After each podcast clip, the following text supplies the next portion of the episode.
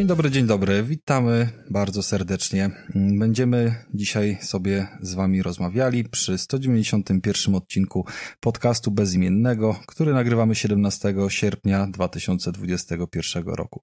Kurewsko, czy szybko ten czas leci i ledwie dwa tygodnie temu mieliśmy powódź, e, powódź w Niemczech, a dzisiaj znowu jest u nas Mikołaj, który wyszedł z kuchni, żeby trochę poopowiadać e, o, o, o tym, czego nie robił przede wszystkim e, ja też będę głównie opowiadał o tym, czego nie robiłem i tak naprawdę znów możecie się nastawić na odcinek, który będzie prowadził Krystian, więc y, wolę uprzedzić, bo ostatnio było dużo wiadomości, że, że za dużo tego Krystiana i tak dalej, więc y, witamy Krystiana, który będzie tutaj drugim głosem dzisiaj podcastu.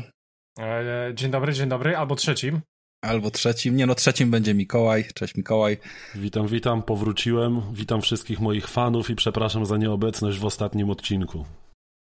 Dobrze, dobrze, ale pamiętaliśmy o twojej nieobecności, był standardowy tekst, czy pójdzie na starej generacji, wszystko, wszystko się zgadza. E, słuchajcie, mamy sezon ogórkowy, mm, co nie znaczy wcale, że, że nic nie ograliśmy, bo, e, bo nie ma w co grać. Jest w co grać oczywiście, bo, bo Game Pass cały czas dostarcza, e, plus, plus mamy jakieś tam wielkie zaległości i kubki wstydu oraz wiele gier ogranych, których nie omawialiśmy. Niestety czasu zabrakło na to, żeby grać, no bo były urlopy, była praca, były jakieś dziwne rzeczy i w związku z tym będziemy mieli e, taki, myślę, że dosyć rozwinięty mm, i fajny temat główny, którego, którego jeszcze nie omawialiśmy. Mieliśmy sporo różnych dziwnych tematów poruszanych, szczególnie w, w początkach naszej działalności. E, być może kiedyś uda się do tych odcinków, co po niektórym z Was e, wrócić, jak jesteście ciekawi. Natomiast dzisiaj takim tematem będzie podsunięty przez jednego z naszych patronów, e, temat pod tytułem Guilty Pleasures w grach. I o ile opowiadaliśmy sobie o naszych jakby e, pewnych przyzwyczajeniach i, i, nawykach, które podczas grania sobie lubimy mm, zorganizować w kontekście, nie wiem, rozpakowywania sprzętu, przygotowania stanowiska do gry, czy, czy, czy jakiś po prostu e, tego typu nawyków, to dzisiaj będzie inaczej. Dzisiaj będziemy się skupiali yy, na dosyć szerokim przeglądzie yy, dziwnych yy, fetyszy i ekscytacji, które podczas grania w różne gry, różne gatunki gier lubimy po prostu zwyczajnie robić wewnątrz tych gier. Więc nie będzie o dłubaniu w nosie, nie będzie o jedzeniu chipsów dwoma palcami, czy, czy, czy siedzeniu pół metra od telewizora, tylko będzie właśnie o tym, co się dzieje w tym cyfrowym świecie, czego na przykład twórcy nie przewidzieli, a co my kochamy robić. No i w ten sposób sobie pogadamy. Oprócz tego będą oczywiście jakieś gry, będą jakieś hejty, będą jakieś yy, nagrody za, za najgorszą yy, firmę produkującą konsolę w tysiącleciu i, i tego typu sprawy. W związku plebiscyt z powyższym... będzie. Plebiscyt, znaczy cały rok prowadzimy plebiscyt, jedni drugich się, jedni drugich prześcigają jakby w fajnych decyzjach, które bardzo szanujemy, ale w gruncie rzeczy hejtu dzisiaj dużo nie będzie, nawet, nawet kiedy przejdziemy do kącika hejtu, to umówiliśmy się tak, że wyjątkowo to ja dzisiaj za coś no, trochę palcem na Sony po, pomacham, a, a Krystian pokaże palca Xboxowi. E, Krystian, jak w twój pączek? E, jak mój pączek. E, mój pączek bardzo dobrze. Pączek? A, a, a ten pączek to do czego miał być, Rafał? Myślałeś, że do czego? No kurwa, jadłeś pączka z Xboxem, czy nie jadłeś? No to jest dla mnie główny temat dzisiejszego odcinka. Dobra, no słuchajcie, no nie, no ostatnio zauważyłem, znaczy o, ostatnio Xbox mnie bardzo, bardzo zawiódł, niestety. E, I nawet powiem wam szczerze, że e, pomyślałem, żeby w końcu może jednak e, przeprosić się z tą playką i jednak sobie w nią pograć. No wyobraźcie sobie taką bardzo nieprzyjemną sytuację, że biorę Xboxa, idę do znajomego. Znajomy chciał, chciał, chciał sobie zobaczyć tego Xboxa, no to biorę do niego, fajnie, podłączam, fajnie, coś tam ściągam z internetem, bawię się i tak dalej. I taka sytuacja powtarza się co, codziennie. No i co? No i e, można zauważyć, że Xbox, nie wiem czy wiecie, taka ciekawostka, nie zapisuje wam e, Wi-Fi, którego wcześniej używał. Nie, za co? każdym razem trzeba wprowadzić, to prawda. Tak, tak ale to już było na poprzedniej wam, generacji, to nie jest no, nic nowego. Ja, ja nie mówię, że nie, ale to dalej nie zostało zmienione i powiem wam szczerze, że no kurwa, no sorry, ja mam czteroletni już telefon beznadziejny.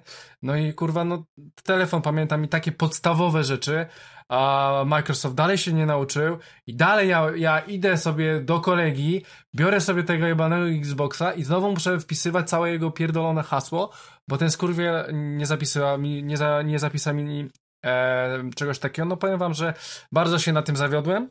E, no i no niestety chyba będę Playka do niego brał, bo, bo na Xboxie to niestety nie ma sensu. A Jesteś dziwne, pewny, bo... że na Playce pamięta te sieci? Bo ja nie byłbym taki e, pewien. Wydaje, wydaje, mi się, że... wydaje mi się, to powiem ci tak, na Wicie mam chyba kurwa 40 tych sieci, a nie Tylko, nie że wydaje... to jest, wiesz, to jest konsola Ja przenośna, wiem. to jest kwestia Okej, tego, co ale zaplanowali no, w, w systemie. Wyda wydaje, mi się, wydaje mi się, że zapamiętuję. Faktem jest, że Microsoft, który w sumie jest połączony kurwa z Windowsem jebanym, praktycznie, no dalej tego nie umie, co jest dosyć słabe w XXI wieku 2021. No i Mój, mój pacjent też nie umie w sieci Wi-Fi, więc jakby dla mnie to nie jest żadnym zaskoczeniem. I, Ale przynajmniej działa, nie? Nie, nie ale przynajmniej działa i, i, No tak jest. i to jest najważniejsze, że, że nie trzeba było w nim wymieniać po 10 latach pasty termoprzewodzącej, bo ma dopiero rok. E, jakbyście się zastanawiali, dlaczego Mikołaja nie było dwa tygodnie temu, to właśnie dlatego, że Apple to gówno i się psuje. Tak, i mam dziesięcioletniego laptopa, który po 10 latach po prostu w straszliwy, niewyobrażalny sposób postanowił się zepsuć i dlatego mnie nie było. Dobra, Krystian, ale powiedz mi, to, to co powiedziałeś o tych sieciach Wi-Fi, to był twój y, hejcior na Xboxa? Dokładnie tak. Dobrze. Nic, Do- nic mocniejszego nie znalazłem, póki co. Dobrze, ale czy podczas swoich wojaży ostatnich ty realnie jadłeś tego pączka, co ci pokazywałem go, czy tylko ukradłeś zdjęcie z internetu? Aha, o to ci chodzi, Boże. No właśnie, Ej, ale powiem mnie ci- też ten ale po- strasznie interesuje. ale powiem ci, powiem ci, że dobrze, że o tym powiedziałeś, bo ja bym o tym kurwa zapomniał. A co ciekawe, zapowiedziałem, że będę o tym mówił, nie? No E, dla mnie dobra, ten więc- pączek jest ważniejszy niż w Microsoft Flying Simulator. Nie, no wiem, wiem, wiem, wiem. E, spokojnie. Dobra, e, więc e, że- żebyście wiedzieli, naj, najlepiej oczywiście jak e, jesteście na grupie bezimiennego, to może ty, Rafa, później się pochwalisz e, nowym czerwonym padem, co? Ale, ale to zaraz. Pochwalę się. E, słuchajcie, e, cała zabawa polega na tym, że jakbyście weszli na grupę e, naszą bez, bezimienną, tam wrzuciłem filmik pod tym pączkiem, e, ale zabawa polega na tym, że chyba największa na świecie sieciówka z pączkami, czyli Krispy Kreme, macie to w Polsce, Rafał? Bo ja nawet nie wiem. Nie, nie kojarzę. Nie, Nie nie, macie.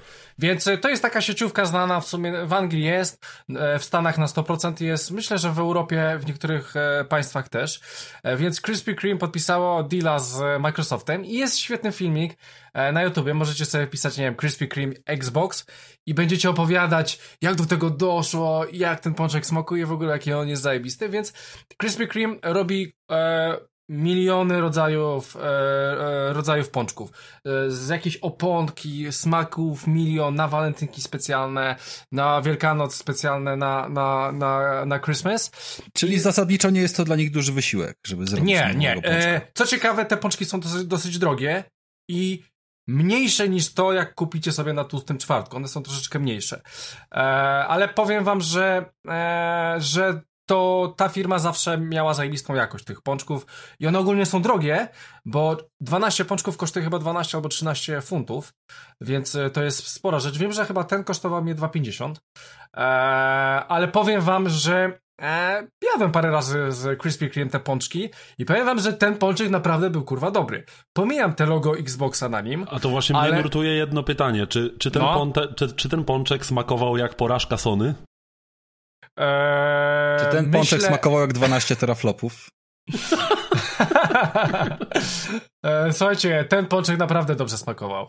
E, Powiem wam, że tak, jeżeli chodzi o sam pączek, jeżeli chodzi o lukier, bo on jest e, zielony, tak? E, Zielo, e, zielony lukier z białą posypką, biała posypka to cukier. Lukier jest zielony, ale ten lukier w smaku smakuje jak lukier. To nie ma żadnego innego dziwnego smaku, to jest po prostu e, tyle. normalna, tak, to, tak, to, dokładnie, to jest barwnik i to po prostu jest słodkie.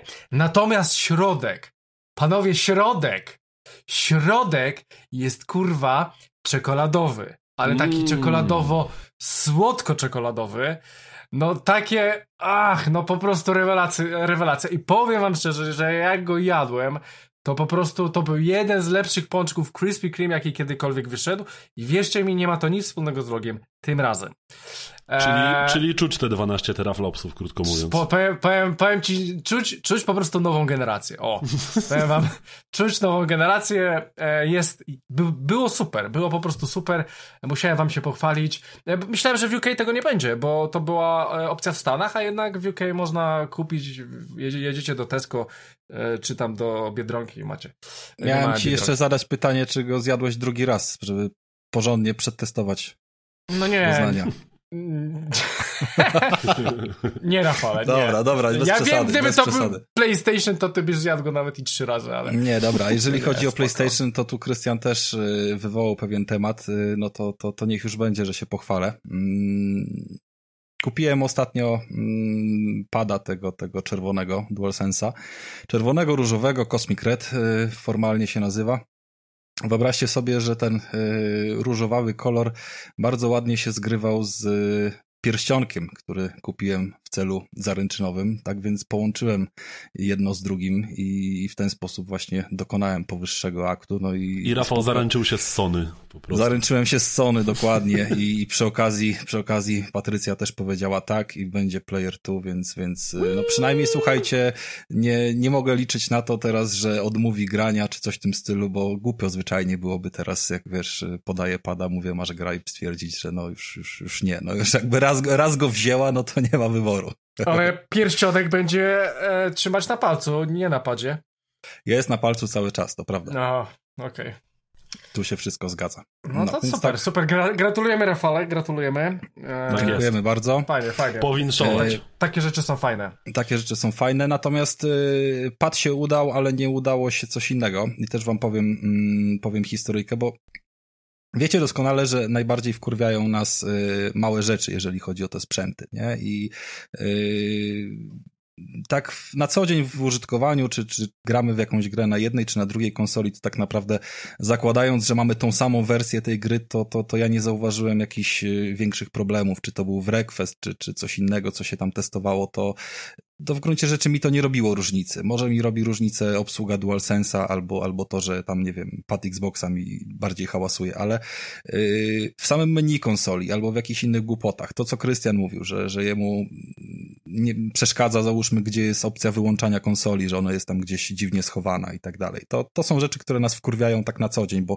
za każdym razem musimy tą czynność yy, wykonać, która nam nie odpowiada, która nam przeszkadza podczas yy, używania jakiegoś sprzętu. I do czegoś takiego właśnie y, doszedłem teraz, y, nie grając, tylko oglądając filmy na Blu-rayu, bo y, wyszła taka sytuacja, że cholernie zapragnąłem sobie obejrzeć Avengersów. No i oczywiście Avengersi wysrali się ze wszystkich serwisów streamingowych, które są dostępne w Polsce, a Disney Plusa w Polsce jeszcze nie ma, więc... A, wie... poczekaj, poczekaj, Rafale, jeszcze chciałem powiedzieć, że Disney Plus w ogóle w Polsce miał być w tym roku, a już wyszła informacja, że będzie dopiero na wakacje przyszłego. Więc ja już mam prawie od roku, a wy będziecie mieli dopiero za rok. Ja się kompletnie nie ciśnieniuję, znaczy pewnie będę z doskoku sobie to, to brał, żeby obejrzeć jakiś jeden czy drugi serial, ale, ale nie mam jakiegoś ciśnienia, żeby mieć wszystkie platformy streamingowe, ale no pies to jebał, nie chodziło o to, chciałem obejrzeć film, więc yy, po prostu następnego dnia poszedłem do sklepu i kupiłem sobie komplet wszystkich Avengersów na, na Blu-rayu, yy, żeby sobie zrobić dobrze tym filmem. No i słuchajcie, wkurwiłem się po pierwsze na fakt tego, że Brawia, Sony, kurwa, która potrafi pilotem chodzić po menu konsoli, włączać, wyłączać ją i tak naprawdę odpalać gry wręcz, to kurwa nie jest w stanie przewijać filmu na Blu-rayu, pomimo, że ma te wszystkie usługi, yy, znaczy funkcje na pilocie i, i, bez problemu one działają na YouTubie czy na Netflixie. Ni chuja nie będzie to działało, kurwa, na Blu-rayu na sprzęcie Sony, więc... Yy... A, a patrzyłeś tak z Xboxa z ciekawości? Ale z Xboxa co, na pilocie? No, chociażby. Mm, na pilocie na 100% nie zadziała, bo pilot, y, pilot z, znaczy inaczej, no telewizor z Xboxem się łączy tylko w charakterze włącz-wyłącz, nie, sygnału. Nie ma, nie ma opcji, żeby to działało inaczej technicznej. Okej, okay, dobra. I po prostu nie, nie przeskoczymy tego, tak? Xbox mhm. Poprzedni zresztą miał też swojego Media Remote'a. Y, ja nawet się zastanawiałem, czy tego Media Remote'a do Sony sobie do Playki nie kupić, ale no bez przesady, za, jakby film się włącza i nie ma potrzeby go cały czas przewijania, więc już przeżyje jakoś ten ból. Ale wkurwiło mnie to, bo to powinno zwyczajnie działać, no szczególnie, że działa na serwisach streamingowych I za tym przyszła jeszcze druga rzecz. Otóż, yy, no mówi się, że to jest fajny odtwarzacz Blu-ray, zresztą obydwie konsole yy, z tej funkcji jakoś tam korzystają i, i to całkiem nieźle. Yy, powiem więcej, było nawet mówione, że niby Playka sobie radzi lepiej. Ja to oczywiście nie zwracam na to uwagi, ale jakieś tam testy, wiecie, jak, jak były premiery robione, że, że potencjalnie robi to lepiej ale jakim było moim zaskoczeniem, że funkcje, które są dla Blu-ray zarezerwowane, typu połączenie z internetem i jakieś tam pobieranie dodatkowych treści, które zwykle są na tych y, płytach z filmami mm, wrzucone, że nie są dostępne. Jakby jest informacja, że twój dekoder y, nie obsługuje tych funkcji, nie jest połączony z internetem. No kurwa, jak nie jest, nie? Więc y, w szoku jestem, że, że odtwarzanie Blu-ray nie jest jakby zrobione na tip-top, tylko, tylko w jakiejś takiej formie uproszczonej. Już to co jest na płycie, to oczywiście wszystko działa, tak? Z jakichś tam materiałów czytanych i żadnych zastrzeżeń nie miałem do samego odtwarzania, e, ale, ale to mnie faktycznie zaskoczyło i trochę zasmuciło, szczerze mówiąc. Przerzucę na pewno sobie kolejny film na Xboxie, odpalę i zobaczę, czy tam również e, te, te, te dodatkowe mm, wymagające połączenia z internetem treści e, można pobrać, czy nie. No bo w gruncie rzeczy to jest pewien, plus i nagroda za to, że kupujesz tego Blu-raya i że masz dostęp do jakichś materiałów fajnych, też sobie poglądałem to to, co było wczytane na płycie, ale, ale no jeżeli jest tam coś jeszcze, to czemu by z tego nie skorzystać, prawda? Nikt na pewno kurwa do dwóch konsol nie dokupi oddzielnego odtwarzacza Blu-raya. To by było już troszeczkę bez sensu. No więc tyle z moich y, przechwałek oraz tyle z mojego hejtu. Mm, Mikołaj, czy ty chciałbyś w związku z tym jakieś ogłoszenie, coming out, cokolwiek tutaj poczynić? Y, jeśli chodzi o hejtowanie konsol? No to wolne treści, jak widzisz, lecimy po wszystkim. Znaczy, to jest coś, na co ja y, zwróciłem uwagę w momencie, kiedy kupiłem sobie właśnie playkę i postanowiłem ponadrabiać, tak jak w pierwszym odcinku tam wspominałem, że chciałbym wrócić do, czy wrócić, nadrobić pewne gry, które zawsze chciałem ograć, a nie, nie miałem jak. Y, I y, co mi się rzuciło w od, razu, od razu w oczy praktycznie, kiedy tylko zacząłem pobierać jakąś grę, patcha, cokolwiek, to to, że o ile na Xboxie od razu wręcz na głównym ekranie niemalże, jak tylko wejdę sobie w gry i aplikacje, od razu widzę prędkość pobierania, ile mi zostało do pobrania i tak dalej. Tak, na PlayStation 4 do tej pory nie udało mi się znaleźć po prostu wskaźnika, z jaką prędkością moja konsola pobiera dane. I wchodziłem w różne, tam w dwa foldery różne, w, w, w, najróżniejsze jakieś opcje i nie byłem w stanie się dowiedzieć, z jaką prędkością konsola pobiera dane. Widziałem tylko, ile, ile pobrała i ile zostało do pobrania, i teoretycznie, teoretyczny czas, ile tego pobierania by zostało. No ogólnie tak? to na PS4 był ten problem z pobieraniem cały czas i, i te konsole nie potrafiły z jakichś przyczyn szybko pobierać i, no, jakieś porty się nawet, ustawiało i tak dalej. Mi nawet ale... nie chodzi o samą prędkość, tylko o to, że ja nie wiem z jaką prędkością konsola pobiera dane, bo no nie, do no tej no jedyna pory nie opcja to było, się do tego dojść. Jedyna opcja to było odpalenie okienka z grą i patrzenie jak ten pasek postępu tam sobie leci i co się I ze stoperem mierzyć jak puls. Ehm, ale to jest w PS5, wiesz, to, to menu jest całkiem przebudowane w PS5 na takim dolnym menu masz, y, kiedy zaczyna ci się coś pobierać, to masz nową ikonkę z ekranem pobierania i tam widzisz, co się dzieje. Y, możesz sobie w to wejść, zobaczyć y, dwa pasy, bo jeden, pas, jeden pasek kopiowania danych z dysku, drugi pasek pobierania, więc to gdzieś tam sobie jest. Ale słuchajcie, no dobra, no, no, no, no jakby pozdrawia Mikołaj nas z poprzedniej generacji. tak. Z wehikułu czasu mojego. Ale to jest, ale to jest prawda, jakby są rzeczy, za którymi ja w gruncie rzeczy też trochę tęsknię, bo czasami się y, przywracam do swojej starej e, konsoli, o ile na Xboxie mamy to samo menu na jednym i na drugim, więc Krystian jakby kompletnie nie, nie przechodzi tutaj żadnych przeskoków. Tak mi się czasami zdarza. I ostatnio byłem zafascynowany tym, jak fajne są motywy dynamiczne, które, które gdzieś tam na playce zawsze dobrze wychodziły i po prostu jak dużo ich gdzieś tam można było y, pobrać w sklepie, czy tam ile ich się podostawało i zacząłem za nimi naprawdę tęsknić, że jakby fajne to co, to na PlayStation 5 nagle nie ma tych ruchomych, dynamicznych motywów? Y, nie ma, nie ma ich. One, na PlayStation 5 wygląda to w ten sposób, że masz y, w domyśle te jakby wy, wystawione dziewięć ostatnich y, gier używanych mhm. i każda z nich ma swój no nie w pełni dynamiczny motyw, ale grafikę w 4K plus muzyczkę, która się w tle odgrywa, kiedy jesteś na tym kafelku. Jak zmieniasz okay. kafelek, to od razu ci się zmienia muzyczka jakby na full ekran i tak dalej i to jest bardzo ładne, przyjazne, czytelne, ale fajne było to w PS4. Ja pamiętam, dopiero sobie w sumie ostatnio przypomniałem, że bardzo długo miałem ustawione y, na dwudziestolecie chyba motyw wydany, który wydawał dźwięki tam odpalającej się, wiesz, PSX-a i to było po prostu spoko. fajne, przyjemne, odpalając PS4 słyszeć Ale tak, masz rację, mi na Xboxie trochę brakuje czegoś takiego jak tych właśnie ruchomych motywów, bo ja to odkryłem dopiero niedawno, jak ukończyłem The Last of Us Part 2, e, to właśnie dostałem, gdzieś tam mogłem sobie pobrać taki motyw e, z końcówki gry, jakby jest takie ujęcie takiej plaży, takiej zatoki, widać ten okrągły dom z końca gry. No, ale tam bez I, spoilerów. I tam, tak, I tam tak ładnie, ale nic nie spoileruję, tylko widzę plażę i, i na tej plaży bardzo ładnie się rozlewają fale i woda i bardzo ładnie to wygląda, fajnie się to prezentuje. No, to była faktycznie fajna rzecz, wymagała zabawy pobierania, ale, ale w gruncie rzeczy trochę z tych motywów się pokorzystało przez te parę lat i no i trochę mi brakuje tego, że tego nie ma, bo, bo jednak y, muzyczka z gry, która jest właśnie włożona w płycie, no okej, okay, pozwala poczuć klimat. To jest taki trochę efekt, że przełączasz się na ikonkę, słyszysz od razu jakiś motyw muzyczny z tej gry i się zastanawiasz, czy masz ochotę to akurat włączyć. Nie? To, jest, to jest fajne, ale ale chyba bym chciał sobie zaplanować coś takiego też, mieć możliwość przynajmniej włączenia na sztywno jakiejś tam opcji. Jakby nikogo by to nie, nie zabolało, gdyby coś takiego się pojawiło. Zobaczymy. Dobra, Brawo no to Sony. będziemy, yy, będziemy sobie, znaczy nie, nie uważam, że to jest coś do hejtowania mocno, ale ale trochę mi tego brakuje jako pod kątem zmian. Dobra, yy, przechodzimy w takim razie do Krystiana. Krystian będzie nam opowiadał, słuchajcie, o książce. Yy, przed odcinkiem nam powiedział, że jest to jedyna książka, jaką przeczytał w ciągu ostatnich pięciu lat. W związku z czym musimy... Wspomniał nawet, że to pierwsza książka w jego życiu dokończone. Nie, no akurat tak. E, spokojnie, spokojnie. E, akurat sobie żartowałem, po prostu miałem e, ciężką książkę, teraz przyszło mi coś łatwego, więc zostało to wciągnięte na pełnej. Słuchajcie, książka nazywa... W ogóle tak, przede wszystkim... Przede wszystkim to nie książka, tylko komiks. Nie, nie, nie, nie. Chcę powiedzieć po prostu, że kiedy.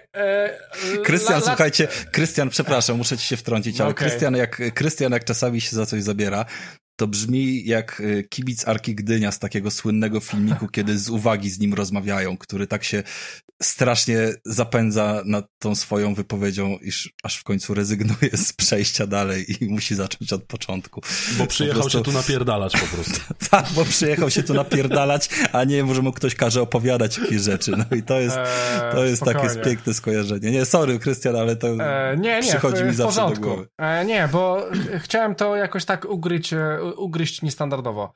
E, słuchajcie, e, cała, e, cała zabawa polega na tym, że jak e, latam sobie do Polski bodajże, e, jak latam sobie do Polski, chociaż dawno już nie latam, ale, ale jak będę i, i w ogóle jak, jak latam sobie na jakieś wakacje, to bardzo lubię kupować sobie jakieś, jakieś czasopisma.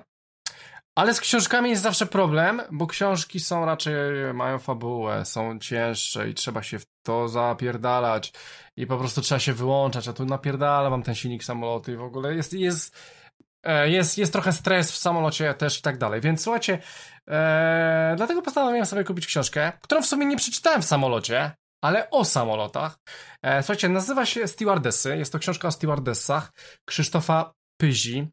E, mogę wam ją w sumie polecić. Mogę wam ją w sumie polecić, bo po pierwsze, są to wywiady, są to wywiady z różnymi stewardessami. One opowiadają ogólnie o samolotach i ogólnie o liniach lotniczych i ogólnie e, jedna, nie wiem czy wiecie, ale jedna Polka e, lata w, z rodziną królewską w Arabii Saudyjskiej. Więc ona opowiada o tym, jak ciężko było się tam dostać, jak w ogóle pracuje, co jest w ogóle bardzo pojebane i w ogóle wszystko o tej rodzinie, tyle ile może, co jest w tym samolocie, oni sobie tam jarają w tym samolocie. E, czasami leci tylko po jedną osobę 8 godzin i później wraca, ale cała załoga musi być w tym samolocie.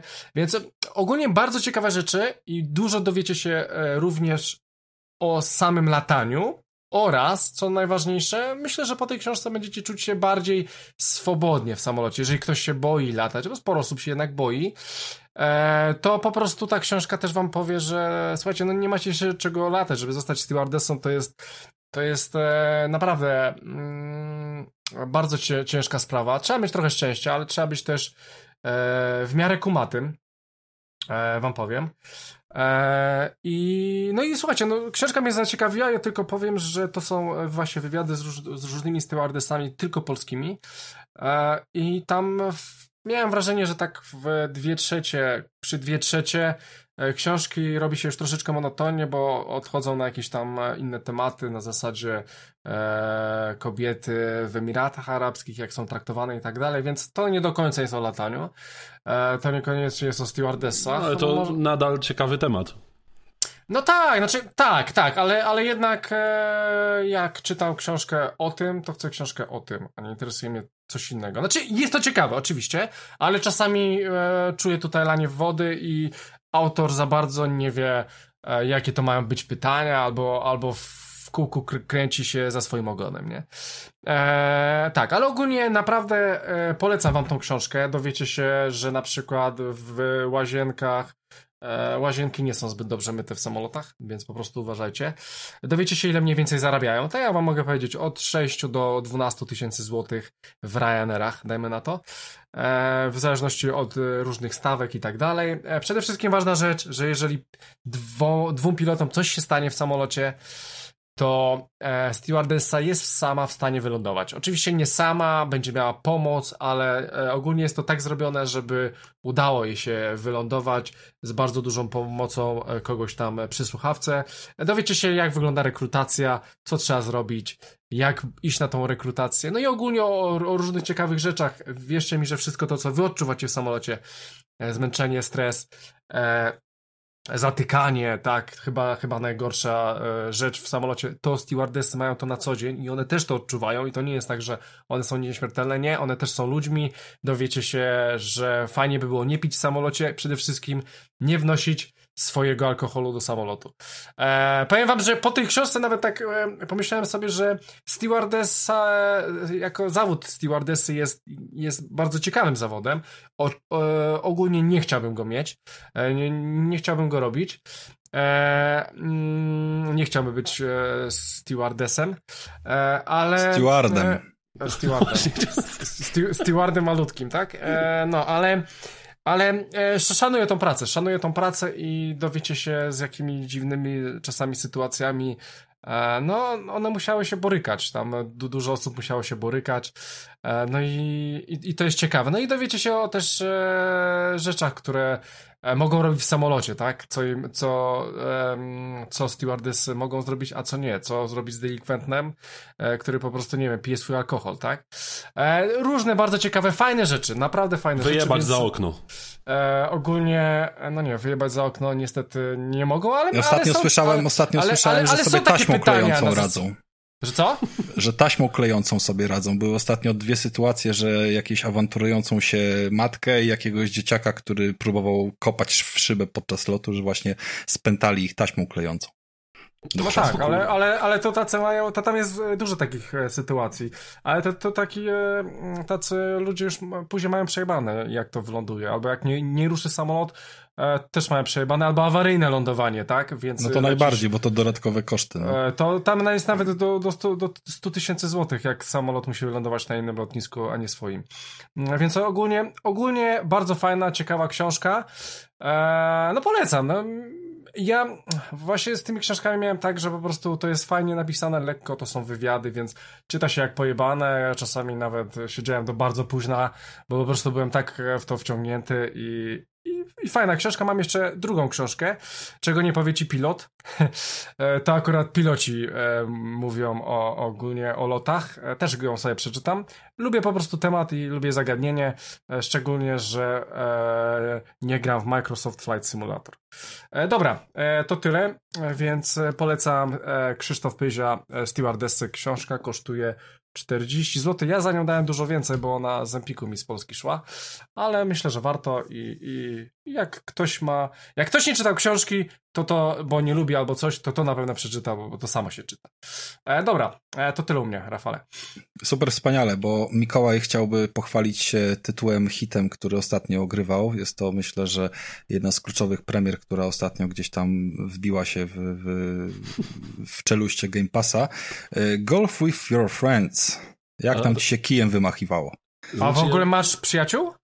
Yy, znaczy, czasem. Od machania czasem kija? tak wychodzi, że, że mam, czasem nie mam. To zależy, czy chcą się ze mną akurat zadawać, bo na przykład mój wymyślony przyjaciel już nie chce się ze mną zadawać, tak wyszło. Aha. Ale w ogóle ten golf with my friends, czy with your friends właściwie, yy, to, to nie jest premiera, to już jakiś czas jest, jest w Game Passie.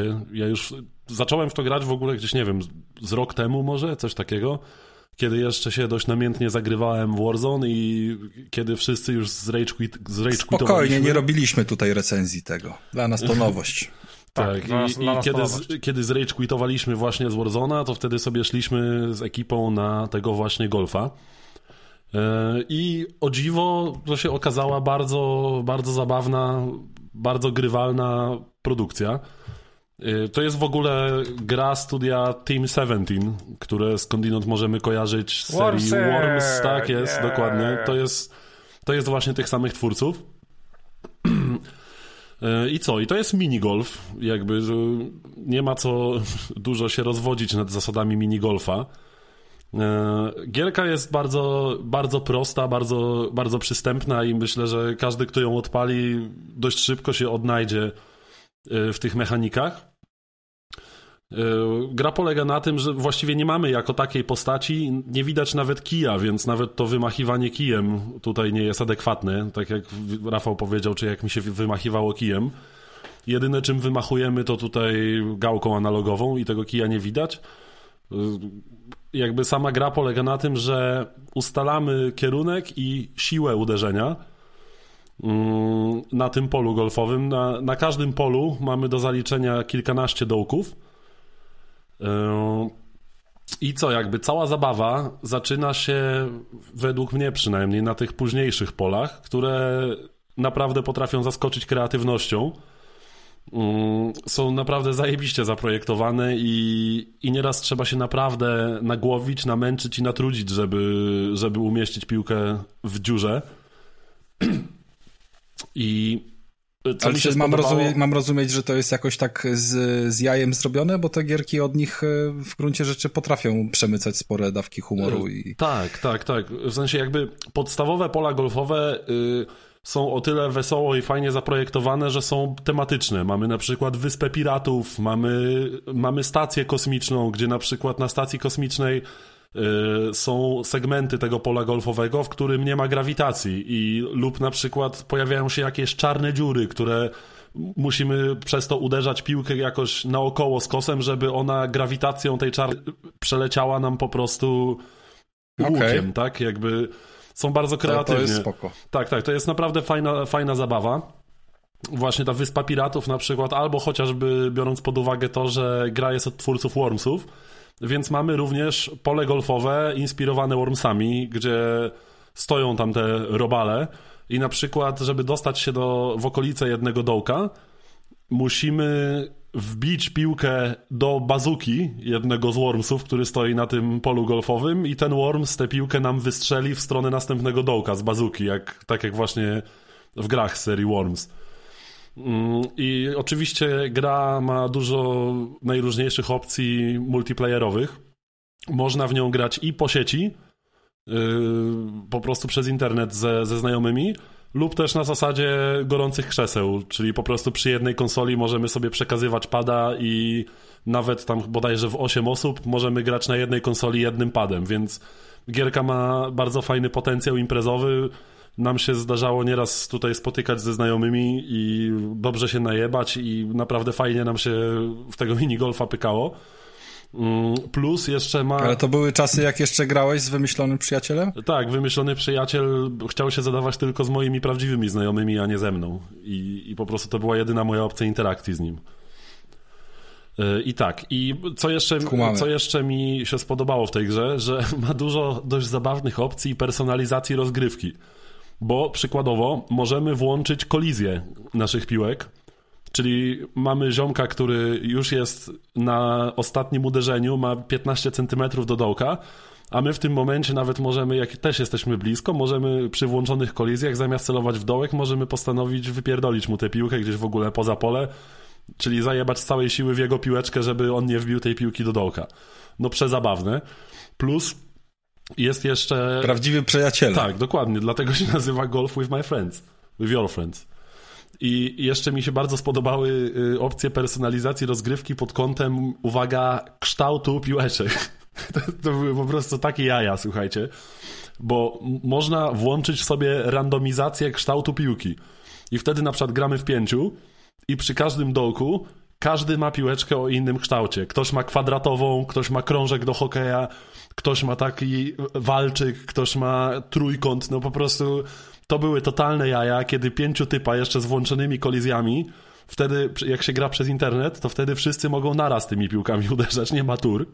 I widać jak te kwadraty, sześciany, kółka, krążki, piłeczki, wszystkie latają na wszystkie strony, odbijają się po prostu w jakiś totalnie randomowy sposób no śmiechu przy tym było co niemiara, kiedy wszyscy już wbili, a koleżka próbuje tą nieszczęsną trójkątną piłkę dotoczyć do tego dołka, a ona za każdym razem odbija mu się w innym kierunku. No, coś pięknego. Śmiechu przy tym było co niemiara. Gierka ma Czyli to jest gra z naszego kącika na zjaranie też, tak? Tak, tak, tak, zdecydowanie. Przy, przypiąć taką łateczkę. Zdecydowanie, Dobra, to, jest, to jest gierka z kącika na zjaranie, absolutnie.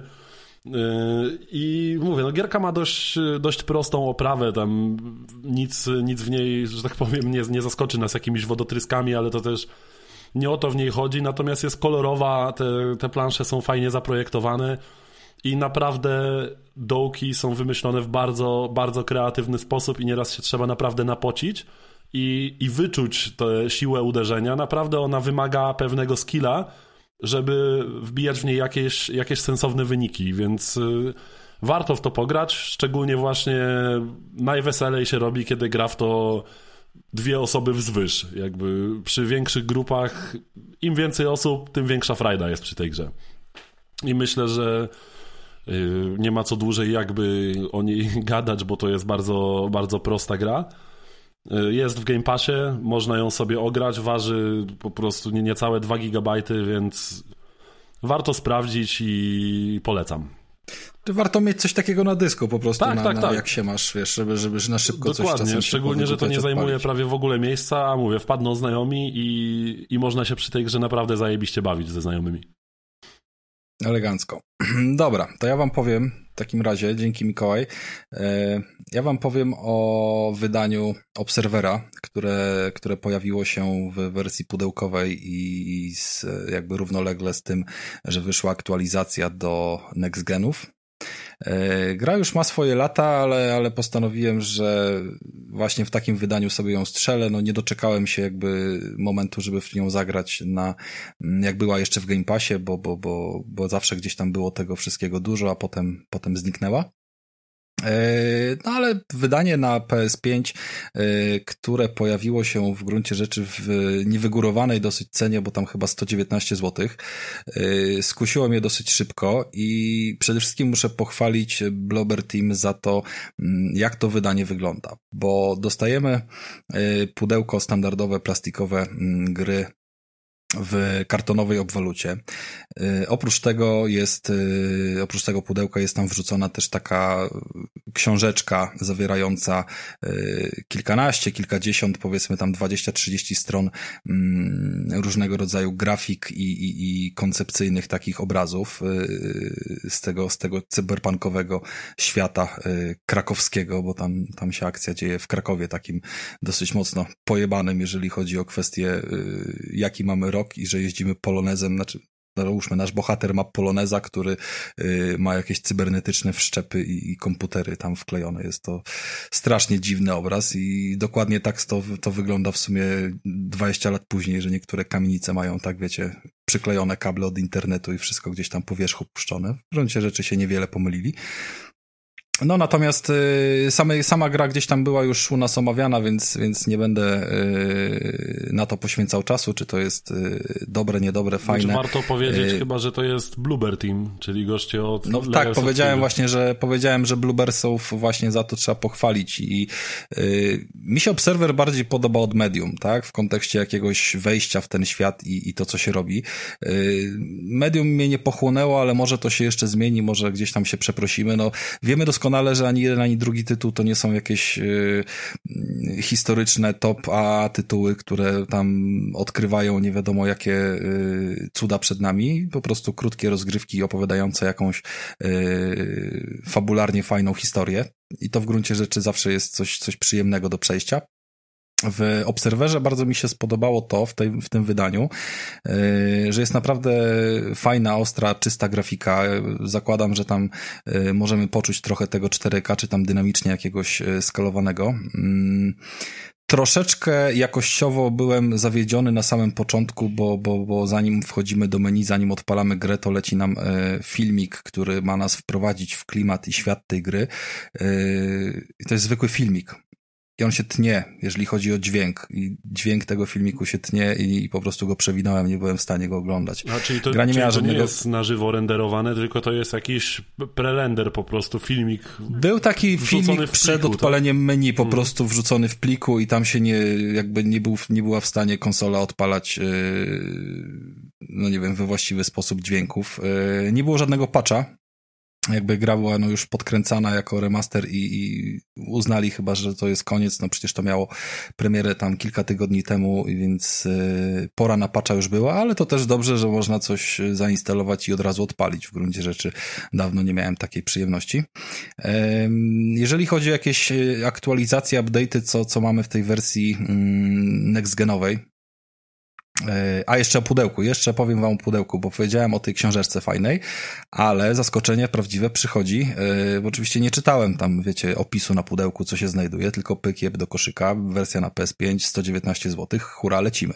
No i w domu następuje to rozpakowanie i poza tą książeczką, słuchajcie, e, okazuje się, że jest na płycie w pudełku pełny soundtrack i mamy sobie możliwość zabrania płytki do samochodu, czy gdzieś tam lubimy sobie słuchać muzykę i sobie pocieszyć się nią i to jest bardzo fajne, bardzo cieszę się, że, że kolejne polskie studio jakby docenia takie wydania, bo i CDEP jakby słynął z dodatków do, do, do swoich wydań płytowych i Blober też y, w takim kierunku idzie, a w kontekście konkurencji, no to dopóki nie kupisz kolekcjonerki, to się pierdol, tak? Więc jakby wiemy, jak wyglądają standardowe wydania, nawet tam jednej karteczki z instrukcją obsługi w środku nie ma. Więc to, to mnie bardzo ucieszyło. Bardzo fajny gest, y, szczególnie jakby w tej cenie, mm, bo to przecież spokojnie można sobie odjąć 3-4 dyszki na to, że, że soundtrack sobie dodatkowo kupiliśmy. Jeżeli chodzi o grafikę, to jest e, opcja uruchomienia e, RTX-a. Podejrzewam, że ona wpływa na to, jaka rozdzielczość jest e, generowana, aczkolwiek menu tego mm, jasno nie opisuje. Po prostu domyślnie jest ten RTX wyłączony i trzeba to śledzenie promieni sobie w menu odpalić, tak dla Krystiana, że warto jednak wejść do menu przed odpaleniem gry. Dzisiaj już takie mamy czasy na konsolach. No, znaczy dla wszystkich tak naprawdę, bo to nie jest coś, do czego jesteśmy przyzwyczajeni i w gruncie rzeczy, no, no niektóre gry mówią, że wybierz wydajność albo coś, ale pytają się często yy, przy odpalaniu pierwszym, tak? Wybierz sobie save, jakieś swoje imię, a jak chcesz grać i tak dalej, ale Resident tego nie zrobił i po cichaczu można było grać bez RTX-a i się cieszyć, że on jest, albo Blober też to schował i w ogóle jakby nie zapytał, nie? Więc musimy pamiętać o tym już dzisiaj, żeby każdą grę odpalić sobie, najpierw wejść w opcje graficzne i, i, i, sprawdzić, czy tam twórcy niczego nie schowali.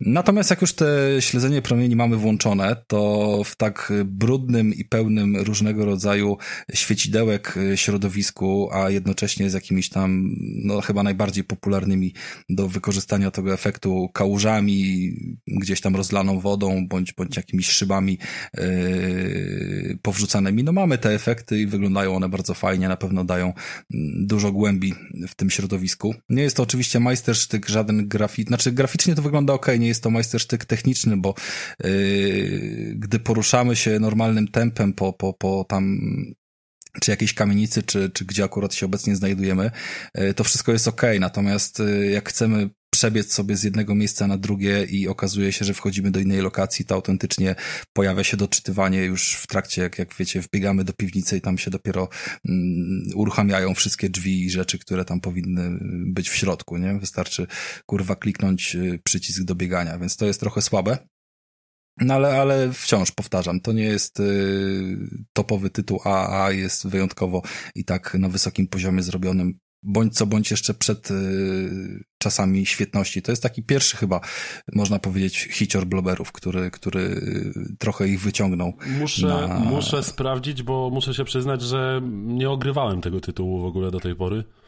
I, a słyszałem w sumie To myślę, że dobrego. ci się spodoba. Myślę, że ci się spodoba i w gruncie rzeczy patrząc na to, jak wygląda to wydanie, to też y, można sobie śmiało w nie zainwestować, nawet jak to nie jest teraz gdzieś w Game Passie, albo, albo po prostu odłożyć, bo też się nic nie stanie, jak sobie poczekasz z tym na, na kupno jakiejś konsoli y, next genowej, skoro to już wyszło w tej wersji i, dalej leży gdzieś tam za grosze.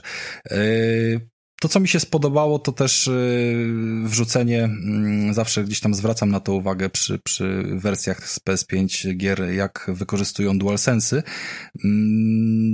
Minus totalny i, i od razu wypierdoliłem jakby głośność na minimum za użycie głośnika, bo, bo jakieś dialogi z radia, które, e, które nam wskakują normalnie z telewizora, od razu też e, gada do nas pad, tylko robi to z półsekundowym opóźnieniem, więc no mija się to z celem. Jeżeli to ma być tak wykorzystane, to, to albo jedno, albo drugie, tak jak mamy, nie wiem, komunikaty w Call of Duty, że, że spada do nas gada radio i wtedy jest fajny efekt. Tutaj to źle zrobili. E, natomiast bardzo mi się podoba użycie spustów. Tutaj w gruncie rzeczy niewiele mamy do do zabawy, jeżeli chodzi o stronę mm, jakąś y, rozgrywkową, bo, bo chodzimy sobie po tym świecie, mm, mamy jakieś dwa filtry na okulary, które pozwalają nam y, przeglądać ten świat z wyszukiwaniem cyfrowych znajdziek bądź znajdziek biologicznych. No i rozmawiamy sobie z jakimiś ludźmi i sobie tam tworzymy jakieś rozwiązywanie zagadek jako, jako nie wiem, jakiś policjant czy ktoś w tym stylu. Tylko, że yy, taka prosta rzecz jak otwieranie drzwi jest po prostu zrobiona kurewsko przyjemnie. Sprawia taką głupią fizyczną satysfakcję, bo yy, tam trzeba nacisnąć R2 na klamce, żeby po prostu tą klamkę nacisnąć. I efekt y, wciskania DualSense'a jest właśnie taki, jak się naciska klamkę, taki wiecie, po prostu przyjemny, mięciutki. I wtedy trzeba gałką pociągnąć do przodu bądź do siebie, yy, zależnie jak się drzwi otwierają, żeby, Ale żeby to ją w takim razie to brzmi jak dokładnie właśnie ten sam silnik, co Layers of Fear, bo tam, tam też to otwieranie drzwi nie było po prostu kliknięciem przycisku, tylko trzeba było Tak, tak, zgadza się. I wiesz, i, i, i, mi się od razu, mi się od razu skojarzył y, Heavy Rain, który, który został wydany w okolicach y, tego, jak y, PS Move zostały wrzucone do rozgrywki. I też można było grać w ten sposób, że w lewej łapie trzymasz DualShocka, żeby chodzić sobie gałką analogową i, i coś tam robić, a w prawej tegoż Move'a, żeby po prostu na przykład otwierać drzwi. I tam trzeba jakieś było w powietrzu dziwne ewolucje udające otwieranie klamek robić robić, tylko że one nie były naturalne. Nawet jeżeli udawały tą, tą naturalność, to nie były naturalne, pomimo że niby wykonywaliśmy ten sam gest, tak? No ale robiliśmy to w powietrzu, trzymając jakieś, wiesz, y, dildosa, no i, i to nie był ten efekt, no i po prostu nie, nie, nie sprawiał on satysfakcji żadnej. I lepiej było grać po prostu normalnie, klikając jakieś przyciski. A tutaj jest to po prostu zrobione przyjemnie. Jakby każde otwarcie drzwi, kiedy łapiemy za tą klamkę i czujemy od razu y, nie po ikonce, nie po dźwięku, tylko na spuście, że drzwi są otwarte albo zamknięte i klamka się ugina pod naszą dłonią i wtedy pyk, gałka do przodu, do tyłu, żeby otworzyć te drzwi. To jest po prostu bardzo y, satysfakcjonujące, nawet w tak banalnej grze, jaką jest symulator chodzenia. I ja nie, nie cierpię tego gatunku. No, zwyczajnie go nie cierpię, jeżeli on jest nudny i każe nam po prostu chodzić i czytać kolejne komunikaty. To jest jakby mega nudne przedstawianie jakiejś historii. Już lepiej zrobić z tego, nie wiem, animację, kurwa, film, cokolwiek. A tutaj daje to powiedzmy jakieś takie y, złudzenie tego, że jednak coś robimy, że musimy sobie zmienić ten nasz filtr optyczny, żeby coś znaleźć, bo nie zobaczymy wszystkiego jakby, y, wiesz, gołymi oczami, tak? Plus potwierać te drzwi, plus coś tam poczujemy, że, że coś się dzieje, nie? Jakimiś Ale, wibracjami i tak dalej, więc to jest spoko. Rafał, e, jedna rzecz, bo, bo pierdolisz głupoty. Jeżeli nie lubisz symulatorów chodzenia, nie, nie, powiedziałeś nie cierpisz symulatorów chodzenia, to się do nich nie zbliżaj. Bo rzucasz kostką i nie wiesz, czy to będzie dobre, Nie czy to podchodź. nie dobre. Nie, lubi, nie lubisz, dokładnie, nie lubisz FIFA, no to chyba nie będziesz grał w PS-a, w FIFA, bo wiesz, że tego nie lubisz, więc nie podchodź do takich gatunków.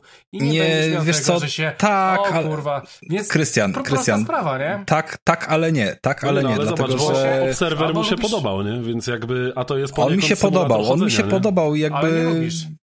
Nie lubię gatunku jako gatunku, ale wiesz, JRPG-ów też nie lubiłem, a w Finala wsiąknąłem jak głupi, ja się po prostu no, otwieram na pewne Megami nowe Tensei rzeczy. nie, nie, niekoniecznie. E, tak, tylko że to był remake, remaster e, graficzny, nawet nie do końca udany gry sprzed 20 lat, no jakby umówmy się. To jest zupełnie co innego, inny jakby odłam typu Persona i tak dalej, no i zwyczajnie mnie to nie wciągnęło, ale Final mnie wciągnął. W każdym razie trzeba Ale się otwierać o, na nowe rzeczy finalu i mówisz, że cię wciągnął? O siódemce, Siódemka, okej. w tym remasterze, co, co, co wyszedł tam rok temu. Mhm, mhm. No, on był, on był spoko. W każdym razie, yy, Krystian, będę się do takich rzeczy zbliżał, ale ostatnio rozmawialiśmy o cudzie takim natury, który mi załatwiłeś w promce w postaci yy, symulatora poszukiwania skarbów, tak? Tych, tych wiesz. I tam O Jezu, to było w moim pierwszym odcinku, w którym byłem. Tak, i tam nie istniała żadna rozgrywka. No jakby tłumaczyłem wam, jak wyglądało Taka to wszystko. A tutaj no. tego nie ma. Tutaj, pomimo, że chodzi o opowiedzenie jakiejś historii, to trochę tej rozgrywki mamy. Jest ona jakby wciągająca w pewien sposób. Klimat też jest bardzo gęsty i naprawdę, naprawdę y, przyjemnie się to gra, więc chcę o tym mówić pod kątem właśnie takim, że nawet jak ktoś podobnie jak ja skreśla jakby ten gatunek. Ja się sam zresztą ciebie pytałem przy, y, Boże, właśnie to było chyba Layers of Fear, to co na VR grałeś, tak?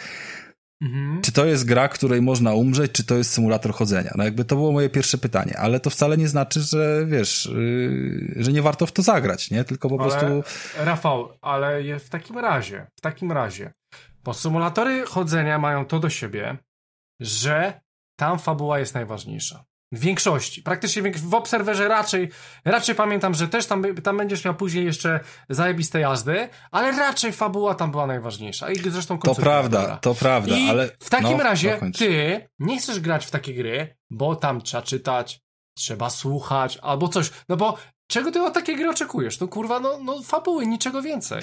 Ocie- oczek- ogóle- ja ci, ale ja ci już zaraz mówię. powiem o takiej grze, no.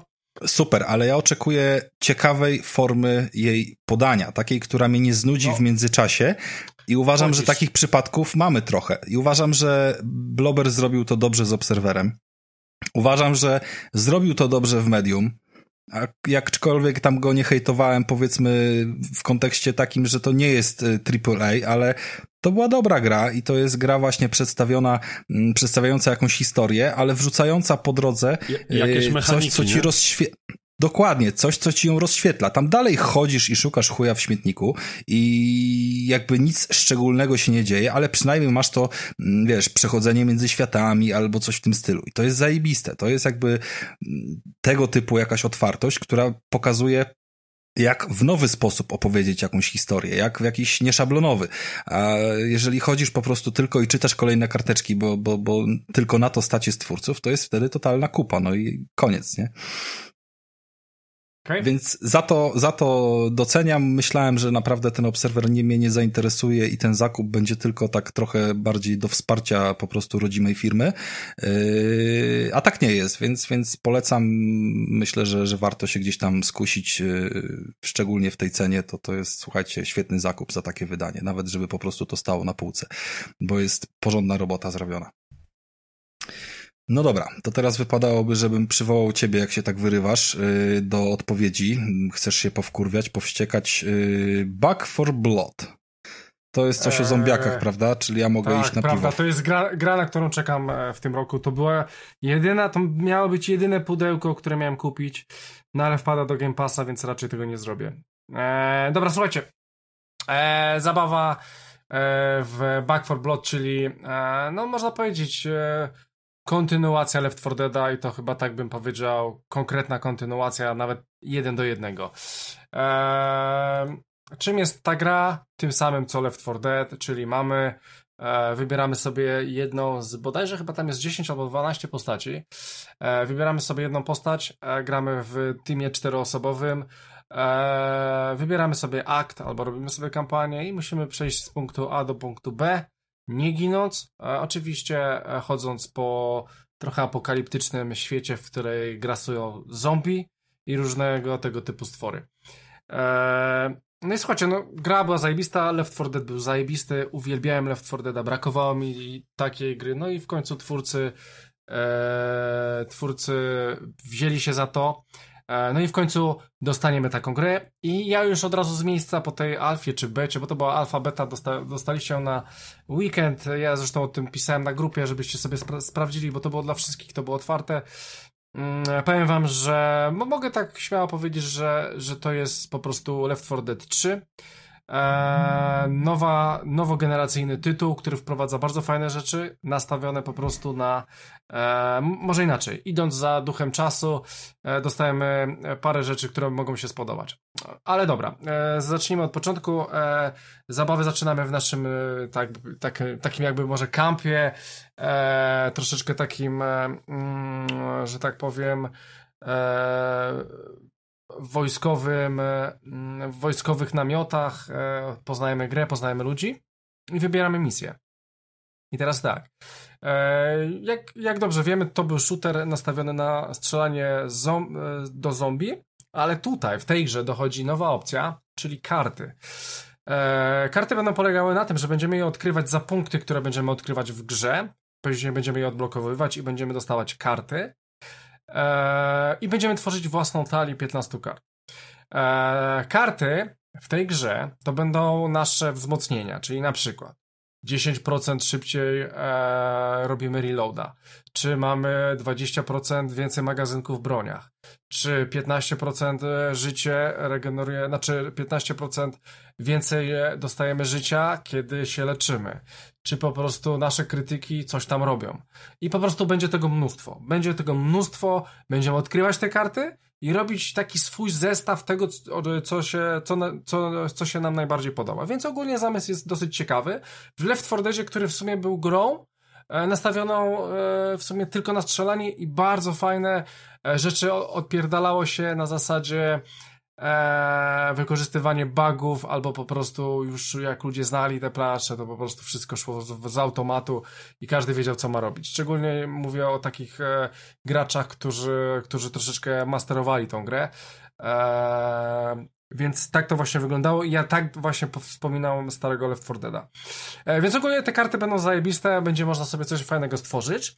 Szczególnie będzie miało to dosyć duże znaczenie, jakie to będą karty, bo nasze postacie w tej, e, w tej grze będą miały też jakieś tam umiejętności. E, na przykład będziemy mieli jakąś tam dziewczynę, która, której umiejętność jest taka, że dostaje taką baseball z gwoździami, pamiętacie coś takiego? I po prostu to jest jej broń i może z tego korzystać. I to jest też dosyć ciekawe, żeby akurat tą postacią grać z bliska. Więc jeżeli gramy tą postacią z bliska, nie karabinami, nie shotgunami, e, więc można jej dawać jakieś perki, może do walki wręcz, że jak zabijasz walki, kogoś walki wręcz, to coś dostaniesz, albo, albo że po prostu przy zabiciu walki wręcz e, regeneruje ci życie albo coś. Więc możemy sobie stworzyć później talię do konkretnych umiejętności naszych postaci, bo, te, e, bo każda postać ma dwie bodajże umiejętności. No i to jest bardzo ciekawe, to dosyć mocno będzie Czyli to jest właśnie grę. potencjał pod jakieś takie eksperymenty z buildami postaci, nie? Jakby... Mniej więcej tak. To nie jest nic e, takiego, jakby to powiedzieć, to nie jest nic jakiegoś takiego e, e, chciałbym powiedzieć e, mocnego, w sensie, że głębokiego mhm. i, i nie wiadomo jak, jaką wam to przewagę nie da, przynajmniej na dzień dzisiejszy. Ale z tego co widziałem e, będzie, będzie mogło to bardzo fajnie działać. No ale bo właśnie wiesz co, ja e, tak patrzę, że to są goście, którzy w sensie twórcy tej gry, to są goście, którzy zrobili wcześniej Evolve, nie wiem czy pamiętacie taką grę. E, miałem ją na premierę, pudełko miałem, o, a później wypierdoliłem Ona właśnie się, nie wiedzieć czemu, okazała trochę nie wypałem, ale miała kilka ciekawych pomysłów na mechaniki właśnie i zróżnicowanie postaci, więc to w sumie ma potencjał, żeby powtórzyli jakby fajnie zrealizowano, fajnie zrealizowane, zróżnicowane postaci. No i e, część e, tego studia e, Mikołaju. Do, e, doszło właśnie teraz do Turtle, to jest Turtle Rock chyba, tak? Turtle Rock Studios, Wyda, tak. Wydaje mi się, no. E, I oni robili starego Left 4 Deada, więc to są osoby, które już wcześniej tak, Tak, bo oni od 2008 Dlatego... roku są częścią Valve w ogóle. Tak, tak, więc po prostu e, chcę powiedzieć, że to są osoby, które wiedzą co robią i po prostu Valve nie chciał zrobić Left 4 Dead 3, ale oni zrobili nawet tytuł, że Back No, że czwórka blood, w tytule tak? jest, tak. Dokładnie, czwórka w tytule i po prostu, że wracamy do krwi, e, do rozpierdalania, tak? Więc, więc na tym to mniej więcej polega. Dobra, słuchajcie, e, to tylko to powiem, że doszły karty, które będą po prostu będzie po prostu co robić w tej grze, tak? Że będziemy odblokowywać te karty i będziemy sobie robić jakieś tam talie, więc będzie co robić w grze, bo Left 4 Dead po prostu się przechodziło i to wystarczało. A teraz jednak 2020-2021 wymusza, żeby jednak coś odblokowywać non-stop w tych Gry grach. usługi. Czy będzie... Dokładnie, czy będzie to w Halo, czy są to we wszystkich Apexach, Fortnite'ach, Warzone'ach, czy innym. Głównie to po prostu e, cały czas wymuszają, żebyśmy grali, i odblokujemy sobie skórki czy cokolwiek. Tutaj będzie to samo. Karty jest to ciekawy, na, pe na pewno ciekawa idea. Zobaczymy e, w praniu, ponieważ tych kart nie było w tym demie zbyt dużo. E, no i nie można było chyba nic takiego solidnego sobie stworzyć. One były randomowe. Ja liczę, że te karty będą bardzo urozmaicone i będzie ich dużo, że faktycznie to wszystko będzie się wyróżniać i będzie można coś e, stworzyć, coś stworzyć fajnego. I słuchajcie, poza tymi kartami są jeszcze karty, które my, które dostajemy kiedy dochodzimy do gry. I to są złe karty. Dwie złe karty, które mają wpływ na grę. Czyli na przykład, że e, w, w, na całym levelu pojawia się mgła w wielu miejscach. Więc już ta widoczność w całym levelu będzie gorsza.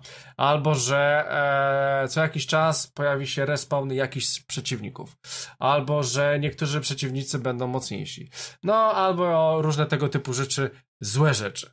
Więc e, będą takie dwie karty pojawiać co akt, chyba co akt albo co level, nie, już nie, nie, chyba z bunkru do bunkru wydaje mi się, bo e, zawsze było tak, że Left 4 Dead było powiedzmy podzielone na 4-5 aktów, w którym z miejsca A do miejsca B w danym akcie trzeba było prze, przejść 5 razy, a na końcu była jakaś walka na zasadzie czekasz na helikopter i e, musisz e, e prze, przeżyć 50 minut i fale na ciebie wchodzą. Na ogół taki był system tej gry. E, tutaj troszeczkę jest to zróżnicowane, bo zauważyłem, że, że są ciekawsze rzeczy, e, na przykład e, jesteście w kościele, to jest wasz bunkier. Na ogół było tak, że tak, wchodzicie z miejsca A do miejsca B, zamykacie drzwi, koniec.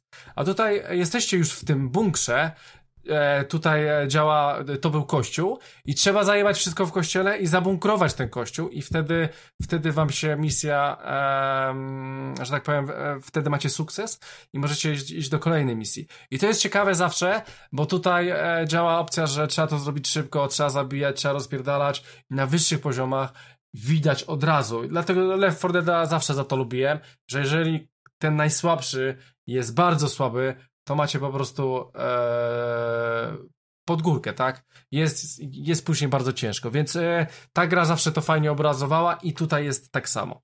E, słuchajcie, e, po tym co przegrałem, tak? No bo tam przegrałem tam 2-3 e, godziny, e, praktycznie cały ten akt przeszedłem. Grało się też z botami dosyć często. E, no jakoś mi to nie przeszkadzało, ale widać, że boty, no niestety, e, odstają, odstają od żywych przeciwników, szczególnie, że często ginęły, często e, trzeba było im ich e, podnosić, no i same są głupie na takiej zasadzie, że nie wiem, giniesz, E, albo po prostu leżysz, on próbuje cię podnieść, pomimo tego, że no kurwa obok niego jest milion zombiaków, tak? Ale i tak próbuje cię podnieść, więc bez sensu, no bo podnosi cię i ginie, więc, więc e, to mi się ich e, nie podobało. No ale to są, to są chyba tylko problemy po prostu przedpremierowe, bo to jednak była beta i myślę, że boty nie będą stanowiły jakiegoś dużego procentu graczy po premierze, bo biorąc pod e, uwagę, e, że to co? jest spadkobierca ci, że, e... Left 4 Dead, to ludzie się na to rzucą i myślę, że nie będzie problemu ze znalezieniem graczy, żeby nie było tych botów. E, to na pewno, to na pewno, szczególnie, że gra będzie w Game Passie to raz, dwa, że to była alfa albo beta i nie każdy był tym zainteresowany. E, pewnie sporo osób tylko że odpaliło, zobaczyło, czy fajne i tyle. E, no w tą grę się nie grało z botami, w to, bo boty to było coś najgorsze. Wierz mi, że jeżeli gra się już na tych wyższych poziomach, no to nie ma opcji, żeby, żeby to były boty. Nie ma po prostu opcji, bo, bo jest zbyt ciężko, zbyt hardkorowo.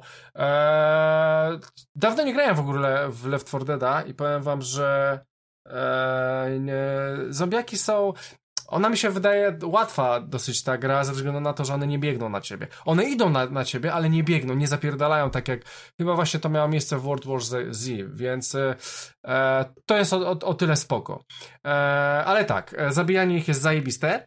E, powiem wam tak, jeżeli chodzi o postacie, tam jest chyba 10 czy 12 tych postaci, na razie mnie nie przekonują te postaci. Może jedna albo dwie, ale miałem wrażenie, że w Left 4 Deadach te postacie miały jakiś tam większy charakter. Bardziej mi się podobały. Bardzo mi się po, podobają odzywki. E, e, odzywki, że na przykład wy wchodzicie do bunkru, e, więc już mo można kończyć misję, a wasi, wasi kompanii jeszcze coś tam odpierdalają i wyrzucacie jakimś tam tekstem, ile można na was czekać, albo e, co to kurwa jest, no dawajcie kolejną, albo e, Fajne są te teksty. Tak samo zawsze lubiłem ten tekst, że jesteście w drużynie i robicie reloada. I i osoba mówi, że robi reloada i wiecie, że dana postać robi reloada, więc trzeba ją tak jakby coverować, nie? I to jest automatyczne w grze i to zawsze mi się podobało i tu też w tej grze też to jest, więc e, super.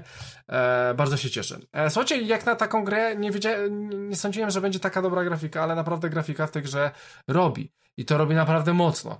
Gra jest oczywiście w 4K, chyba ray tracingu nie ma, ale po prostu jest żyleta. Jest, jest taka żyleta, że aż, aż nie wiedziałem, że ta gra będzie aż tak dobrze wyglądać. E, więc graficznie ten tytuł zrobił na mnie naprawdę spore wrażenie i, i nie byłem do tego przekonany, ale kurczę, daje radę i grafika działa, jest super, a wiem, że Left 4 Dead no, był taki przeciętny graficznie, a tutaj to zaczyna się wyróżniać. E, słuchajcie, kolejną rzeczą jest stamina. W Left 4 Deadzie, z tego co pamiętam, e, to tam na ogół staminy nie było. Było oczywiście na, e, na takiej zasadzie, że biegniecie, no i nie możecie biec cały czas, więc po chwili, po chwili zwalniacie. A tutaj jest po prostu stamina. I ta stamina będzie się zmniejszać, kiedy będziecie biec, lub kiedy będziecie walczyć wręcz, z tego co zauważyłem. No i oczywiście karty są takie, że możecie sobie zwiększyć tą staminę albo jakieś takie głupie, głupie rzeczy, ale fajnie, że ta stamina jest, bo przynajmniej wiecie na ile możecie sobie pozwolić, wiecie w których momentach możecie biec, e, i dobrze, że coś takiego zostało wprowadzone i jest to dobrze e, pokazane, więc e, ja bardzo się cieszę, że coś takiego jest. Czy jeszcze coś? No chyba to tyle, powiem wam. E, jeśli chodzi o to, no to mówię, aha, jeszcze, jeszcze mogę powiedzieć, że jedyne, co mi się tutaj troszeczkę nie podoba, to e, z pewnością zauważyłem, że, że niektóre rzeczy są oczywiście z Left 4 Deada. Mam na, mam na myśli na przykład takich sub-bossów, bossów, sub-bossów, e, których się spotyka, ale mam, ale chyba tam jednego zauważyłem tak na dobrą sprawę. E, powiem wam, że w Left 4 Deadzie te właśnie takie ma małe bossy e, robiły robotę. Robiły robotę do takiego stopnia, że ja doskonale je pamiętam i doskonale wiem, co one robią i po prostu były, były zajebiste. Były po prostu dobrze zrobione. E, nie wiem, czy graliście wy w Left 4 Dead, ale na przykład no, chyba nigdy tego nie zapomnę, że, że wchodzicie gdzieś do jakiegoś budynku i słyszycie płacz małej dziewczynki. Czyli wiecie, że trzeba spierdalać, bo nie macie szans, bo, bo od razu giniecie. I po prostu brakuje mi takich smaczków w tej grze. Oczywiście mogą być takie smaczki, e, mam nadzieję, że będą, ale po prostu ja tylko słyszę ten płacz i już wiem, że trzeba uciekać i to był też dla mnie bardzo duży punkt Left 4 Deada. Tak samo było z bossem, słyszę ten dźwięk i wiem, o kurwa nadchodzi o kurwa, trzeba spierdalać. E, w sumie nie spierdalać, bo z nim zawsze trzeba było się zmierzyć akurat. E, ale po prostu e, brakuje mi takich mocnych punktów w bossach, subbossach. Mam nadzieję, że to będzie. Poja pojawiły się nowe postaci, są spoko, fajnie je się rozpierdala, są, są dobrze zrobione, ale nie mrawe bym powiedział. E, bez, bez jakiegoś takiego e, wybicia mi się w bani, żebym o nich pamiętał, żeby to było fajne. E, więc ogólnie, słuchajcie, ja po tym demie, mm, ja po tej alfie, czy tam becie, po tym preview, e, jeszcze mam większy apetyt na tą grę. Ja na pewno będę w to grał.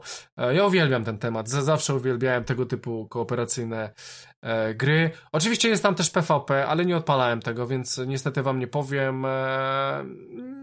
Na ogół w Left 4 Deadzie to raczej omijałem. Odpaliłem chyba parę razy e, parę razy tak, żeby zobaczyć co to jest, ale na ogół wolałem jednak w teamie rozpierdalać e, zombich.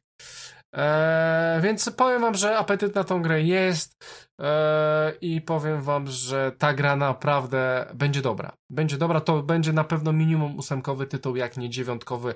Dla mnie będzie pewnie dziewiątkowy, jeżeli, jeżeli ci bossowie będą lepsi, bo, bo z kartami powinno być spoko. E, no i chyba tyle. E, tam jest jeszcze taka ciekawostka, że na przykład odblokujecie pewne punkty w trzech kategoriach. I na przykład w jednej kategorii interesuje was czwarta karta. I żeby dojść do tej czwartej karty, to trzeba odblokować poprzednie karty. Więc poprzednie karty albo też skórki, bo, bo w tej grze też można sobie zmieniać mm, ciuszki i tak dalej, więc to, to jest normalne. Ale po prostu chcę wam powiedzieć, że jeżeli widzicie, że możecie odblokować pewną kartę, to nie możecie jej odblokować, dopóki nie od, odblokujecie trzech innych rzeczy w danej kategorii. E, to to jest taka ciekawostka, że nie zrobicie od razu tego, czego chcecie, nie odblokujecie tego, czego chcecie stopniowo, ale, ale po prostu, e, że tak powiem, marchewka jest zawiązana na kiju, więc e, wiecie po prostu, w którą stronę idziecie i w końcu ją zjecie. E, dobra, słuchajcie, więc to tyle, jeżeli chodzi o tą grę. Ja oczywiście czekam, bodajże końcówka października, 20 e, chyba drugi, trzeci, coś takiego. E, czekam, czekam w Game Passie, będzie za darmo, więc e, miazga, ja może ze względu na to, że nie, nie będę musiał kupować tej gry, to może tam, wiem, że będą jakieś sezony, może je sobie ogarnę po prostu. I tyle. Więc to tyle ode mnie. Rafał, oddaję głos, oddaję głos do studia w Krakowie, nie w Warszawie tym razem. Dziękujemy, wspaniale. Mm, powiem szczerze, ale powiedz mi tylko jeszcze jedną rzecz. No, no, no. Mm, w kontekście, bo ja trochę pograłem, jakby wiesz, że przechodziłem swoją terapię z zombiakami, których y, z zasady nie lubię. I pierwszą taką grą, w którą poza, poza oczywiście tam The Last of Us, y, gdzie te grzyby trochę mnie tam męczyły, no ale to, to było creeperskie. Y, to było właśnie mm, wspomniane przez ciebie World War Z, gdzie, gdzie no, te chmary zombiaków latały i tak dalej, ale tam no kompletnie nie było poczucia strachu, tylko czystego rozpierdolu z tymi falami. I czy ten klimat, który jest tutaj, uważasz, że też jest taki mocno yy, shooterowy, żeby po prostu ich po, po, porozkurwiać do oporu? E, czy teraz... jednak masz takie momenty, że jesteś obstrany, bo po prostu gra potrafi coś takiego zrobić? Znaczy, jeżeli chodzi. Nie, no to, to pierwsza rzecz przede wszystkim, że e, w Black for Blood, e, Rafale, e, nie masz takich ilości. E, przeciwników, jak w tym World War Z. Nie ma ich aż tak dużo. Nie no okej, okay, w Rezydencie e... też nie masz ich tak dużo, a jakby wiesz, wiesz o co chodzi. No tak, tak, tak, o, oczywiście. Tylko ci, po prostu, tylko ci po prostu mówię, że takiej ilości dużej nie ma. E, cała zabawa polega na tym, e, znaczy ogólnie, cała zabawa w tego typu w tego typu tytule, po, znaczy w, ty, w tym tytule polega na tym, że musisz, musisz masterować tą grę. No i niestety, jeżeli chcesz się nią bawić, musisz grać na wyższych poziomach. I na wyższych poziomach jest trudno. Jest trudno do tego stopnia, że wchodzisz w opcję survivalu. W survivalu. Nie, że przechodzisz sobie grę, tylko wchodzisz w przygodówkę czy grę akcji, tylko przeżywasz tą grę. I jest to zupełnie na innym poziomie, szczególnie jak ci się to udaje.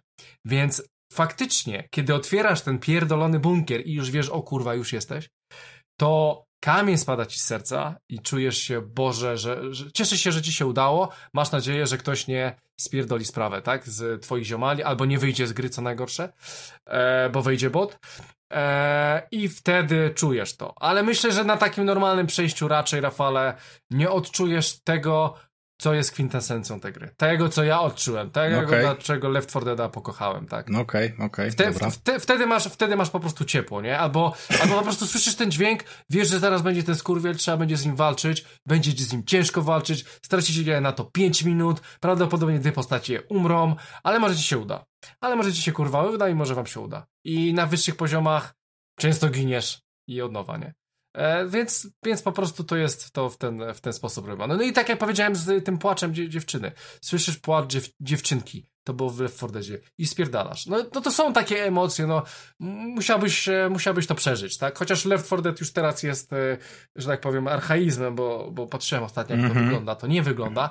Liczę, że właśnie tu też będą takie rzeczy, bo to będzie, bo to będzie coś, co po prostu będziemy pamiętać, nie? No spoko. Ale, ale, ale jeżeli chodzi o World War Z, to, to jest taka szóstka.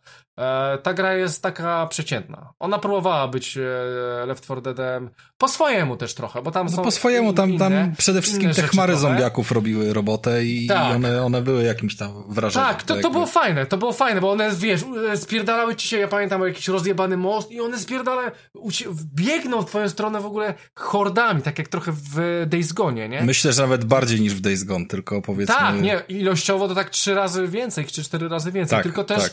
też łatwiej do rozjebania, nie? Bo one No, wszystkie zdecydowanie. padały jak A mówię, jeszcze no. swoją drogą a propos właśnie klimatycznych odgłosów y, w Left 4 Dead, tudzież w Back 4 Blood, to nie wiem, czy wy słyszeliście o tym, o tej sytuacji, że y, te jęki zombiaków się tak niefortunnie składały. A, że- tak, a widziałem filmiki, mówiły tak. nigga. Okej. Tak, tak, widziałem. A ja, ale później, pó- później czytałem twórców, że tam było, że dwa, e, jakieś tam, dwie ścieżki dźwiękowe im się na, najeżdżały na Tak siebie. i brzmiało dlatego, jakby mówiły nigga. dlatego, tak, nyga. Ale śmieszne, bo ja widziałem filmiki na, twi- na Twitchu albo na, nie, na Twitterze, że koleżka se grywa, czarny, i tak zabija zombiaka i ja, nyga. What? What? What? I tam wiesz, tam, to, ich kurwa poz wyjebanych, nie? Zapewnie myśli, nie? No ale tak, to było oczywiście, już to naprawiają, oczywiście nie, tego nie będzie, chociaż DLC powinno być, chętnie bym kupił. E, no. No i elegancko, dobra. No i tak, tyle, no. W takim razie przesuwamy mikrofon w kierunku Mikołaja. Mikołaj, yy, foreclosed. To aż, aż ja jestem nawet zainteresowany żywo. Tak, tak. y, Dostałem dzięki uprzejmości tutaj naszego podcastu, dostałem kodzik na, na grę o tym tytule właśnie, Foreclosed. Em, I ograłem, przeszedłem. Y, Gierka była bardzo krótka w ogóle. Myślę, że mi zajęło z 3-4 godziny ukończenie tej gry. To ty już ją przeszedłeś? Tak, tak, tak, tak. Ja ją wczoraj zacząłem stary, no mówię ci, to jest, to jest gierka na 3-4 aha. godziny. Nie, bo to patrzyłem jakiś tam chyba, to, to jest otwarty świat, czy nie? Nie, nie, nie, nie, nie, nie. Właśnie za chwilę, Aha, okej, za chwilę dobra. wam opowiem o tej grze. Tak, no na wstępie powiem tak. Mam bardzo mieszane uczucia do tej gry. Mm, Z jednej strony miała kilka elementów, które bardzo mi się podobały, a z drugiej strony, tak jak przed podcastem ci powiedziałem, momentami miałem wrażenie, że wypierdolę pada przez okno.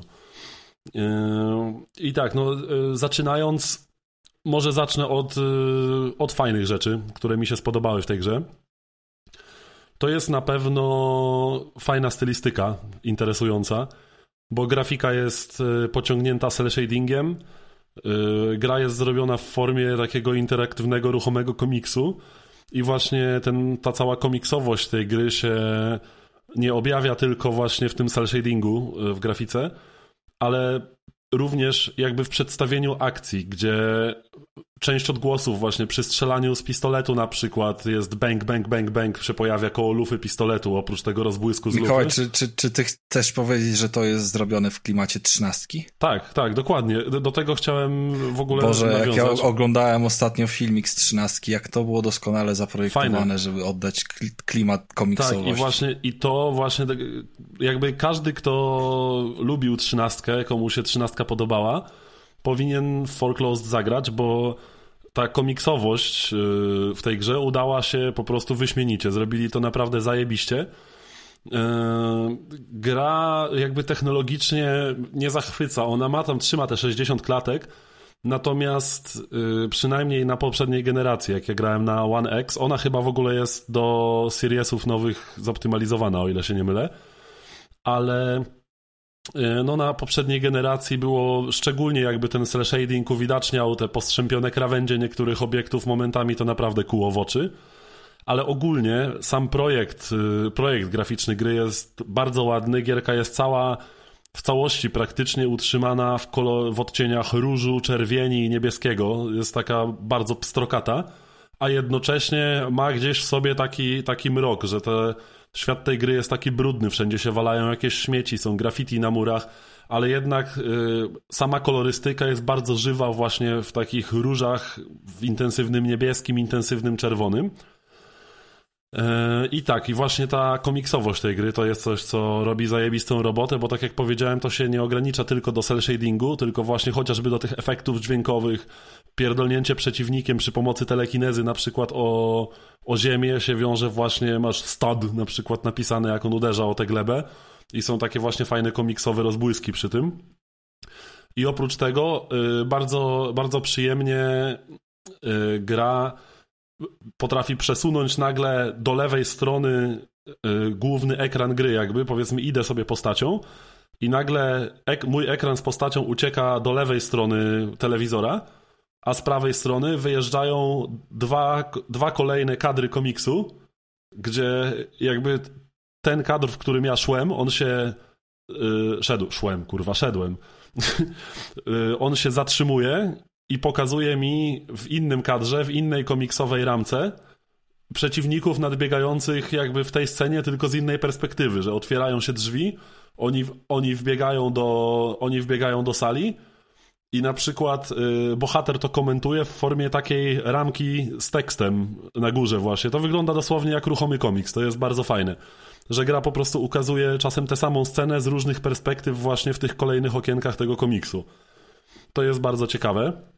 E, ogólnie gra jest mieszanką strzelanki ze skradanką, z jakąś tam domieszką takich zagadek środowiskowych, że nieraz trzeba sobie przesunąć jakimś panelem y, jakiś właśnie kontener, żeby sobie utorować, y, utorować ścieżkę, tego typu rzeczy. I też właśnie znowu przy przesuwaniu kontenera nagle pokazuje nam się w małym okienku, odjeżdża właśnie w róg ekranu ten panel kontrolny tego dźwigu do przesuwania kontenerów i właśnie widać to w takim komiksowym okienku, a na większym jakby ekranie, w drugim okienku widzimy przesuwający się ten kontener, jakby reakcję na nasze działania. E, I tak. E, ogólnie gierka ma dość ciekawą historię, bo to jest w ogóle cyberpunkowa stylistyka. Jakby sporo teraz tych gier wychodzi, które się próbują podpiąć pod popularność bądź też niepopularność cyberpunka naszego. I to się rozgrywa, w, wiadomo, jak to cyberpunk w dystopijnej rzeczywistości, gdzie y, przy urodzeniu, przy narodzinach jest nam wszczepiany implant, czyli po prostu jakiś wszczep, który pozwala nam na interakcję z tą całą scyfryzowaną rzeczywistością. Y, tylko, że ten wszczep nie jest tani i jakby my musimy później jako człowiek, który dostał ten wszczep, spłacać swój dług za to, że w ogóle mamy tożsamość w tym społeczeństwie. I w momencie, kiedy nie udaje nam się spłacić tego długu, to odbierana jest nam tożsamość, musimy się skierować do sądu i możemy wtedy iść tylko do tego sądu, ponieważ są nam nakładane mentalne bariery, że jak spróbujemy zboczyć z danej ścieżki, to jesteśmy rażeni prądem, jakbyśmy mieli po prostu jakąś obrożę. Y, nie jesteśmy w stanie rozpoznać twarzy ludzi, z którymi rozmawiamy bo po prostu musimy spłacić ten dług i iść do sądu. Kiedy nie jesteśmy w stanie go spłacić, nasza tożsamość jest sprzedawana na aukcji. To jest y, dość ciekawy zarys. E, I co? I właśnie nasz główny bohater e, znajduje się właśnie w nieprzyjemnej sytuacji, kiedy firma, w której pracował, żeby spłacić ten swój dług tożsamości, bankrutuje i nasz bohater wplątuje się w, w bardzo nieprzyjemną kabałę. Nie chcę tam spoilerować, bo Akurat historia jest jedną z najmocniejszych stron tej gry. Zdec... A gra ma trzy godziny, więc zaraz opowiesz ją całą. Niemalże, żebyś wiedział. To już dużo opowiedziałem. W każdym razie, tak, warto, warto prześledzić tę historię, bo, bo fabuła jest w tej grze zdecydowanie najmocniejszą stroną. No i teraz przejdę do tych właśnie mieszanych uczuć, bo dużo się w tej grze strzela, a strzelanie jest zrobione potwornie problematycznie. Y, ja przez pierwszą godzinę gry, czyli kurwa jedną trzecią gry praktycznie, skakałem pomiędzy różnymi czułościami celowania. Celownik w tej grze tak niesamowicie pływa, że nieraz, nawet mam kilka filmików nagranych, jak ja próbowałem wycelować w jakiegoś przeciwnika, ten celownik mi spierdala w lewo, w prawo, do góry, kręcę nim jakieś dziwne piruety, ósemki i tak się kończyło na tym, że ja musiałem to celowanie poprawiać sobie chodzeniem postacią w lewo lub w prawo. Jest wyjątkowo parszywie to zrobione. Samo strzelanie yy, jest dość, dość takie kartonowe. jakby w dźwięku może tak dźwiękowo te, te spluwy mają jakieś, znaczy jedna spluwa, bo właściwie przez całą grę mamy jedną spluwę, którą sobie tylko tam jakoś ulepszamy.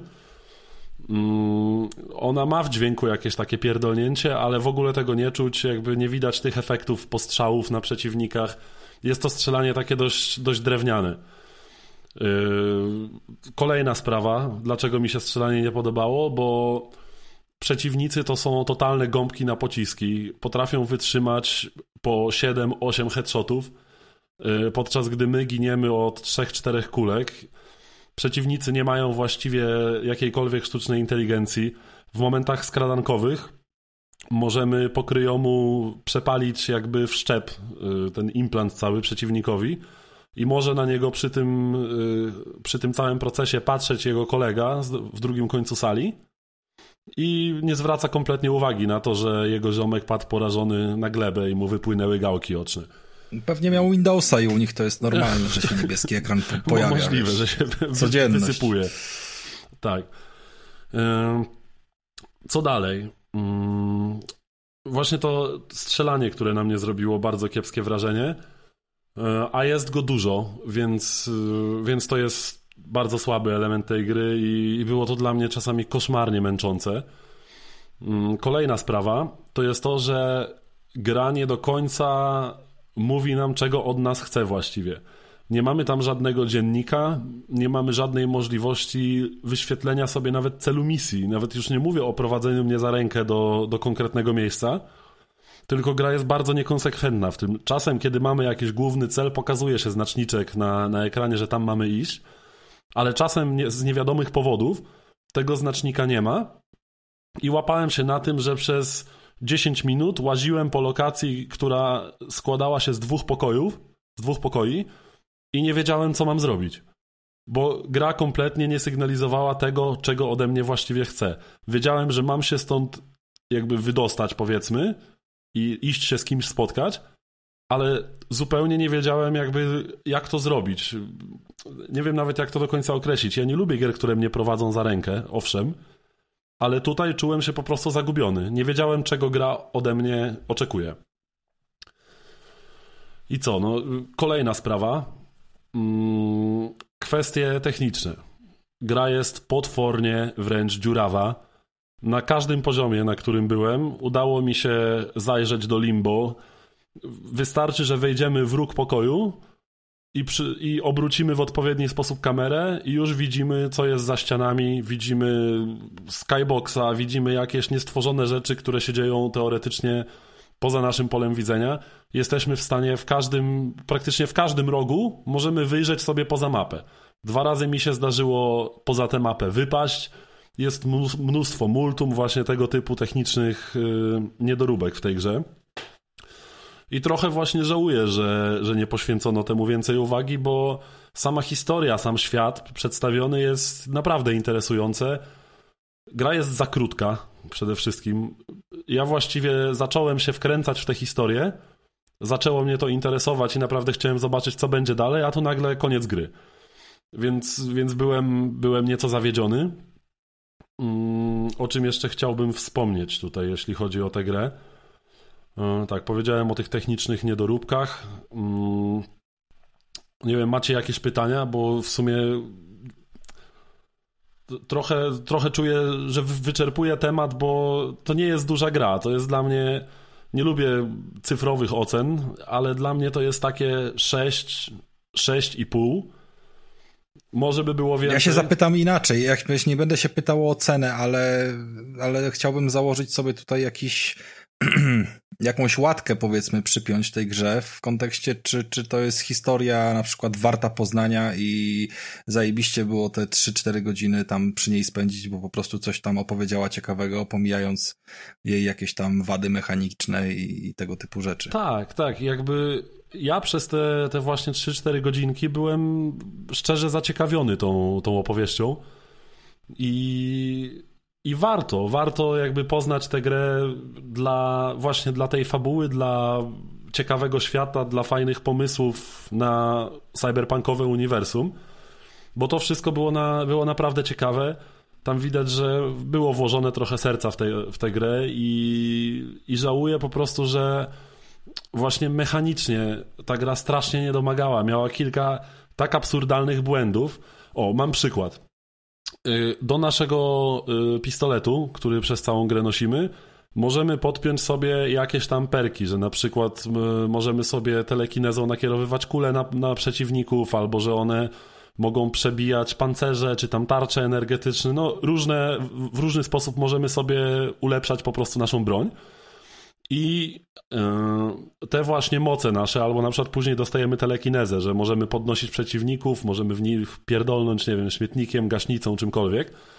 I używanie tych mocy i właśnie ulepszeń pistoletu przegrzewa nam ten implant w głowie, bo to jest wszystko jakby sprzężone to jest takie poniekąd jakby, nie ma tam amunicji ograniczonej, nie ma przeładowywania, tylko jedynym naszym ograniczeniem jest to właśnie, żeby nie przegrzać tego implantu. Musimy czasem przerwać strzelanie i używanie mocy i się schować.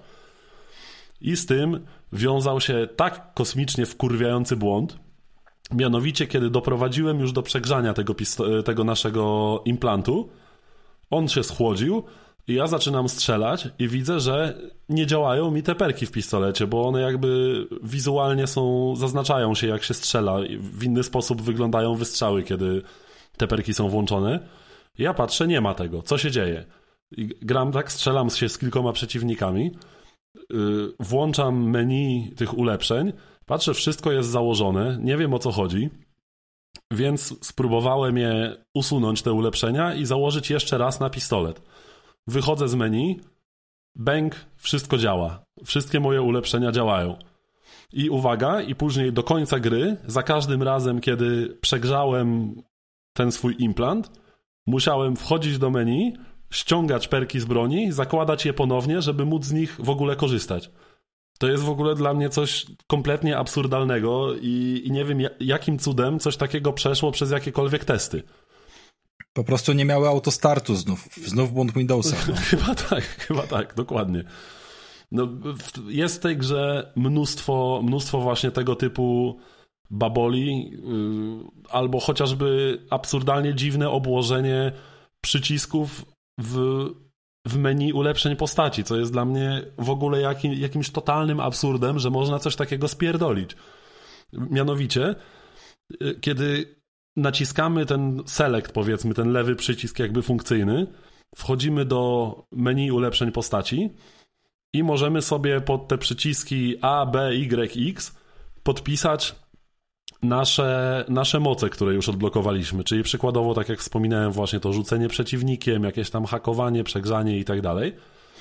Tylko, że żeby wyjść z tego menu, musimy nacisnąć ponownie ten właśnie select a podpisywanie przycisków nie odbywa się w tak jak, jak kurwa, nie wiem, w normalnym świecie, że przykładowo musimy przytrzymać jakieś przyciski dopiero wybrać właśnie, czy chcemy mieć daną moc pod Y, pod X, B, czy tam A, tylko po prostu jesteśmy w menu i niezależnie od tego, na jaki segment tego menu najedziemy, po prostu wciskamy A albo B albo Y albo coś tam i ta moc nam się do tego slotu jakby przypisuje, do tego przycisku. Tylko, że ja chcąc zamknąć to menu, odruchowo naciskam B, bo kurwa w normalnym świecie cofa się, zamyka się menu właśnie przyciskiem B. A tu patrzę, co jest kurwa, klikam po raz kolejny, a tu mi podpisuje moce pod inne przyciski, więc chcę wybrać tę moc, więc wtedy naciskam A i mi podpisuje jeszcze inną moc pod właśnie pod ten przycisk. I się zrobił totalny chaos, musiałem cztery razy po prostu podpisywać sobie te moce, bo nie byli w stanie zaprogramować dodatkowego przycisku do programowania mocy, gdzie trzy razy się właśnie na tym złapałem. Mówię, dobra, kurwa, mam już moce podpisane, dobra, wychodzę do menu i wciskam kurwa B i znowu mam inną moc podpisany pod inny przycisk.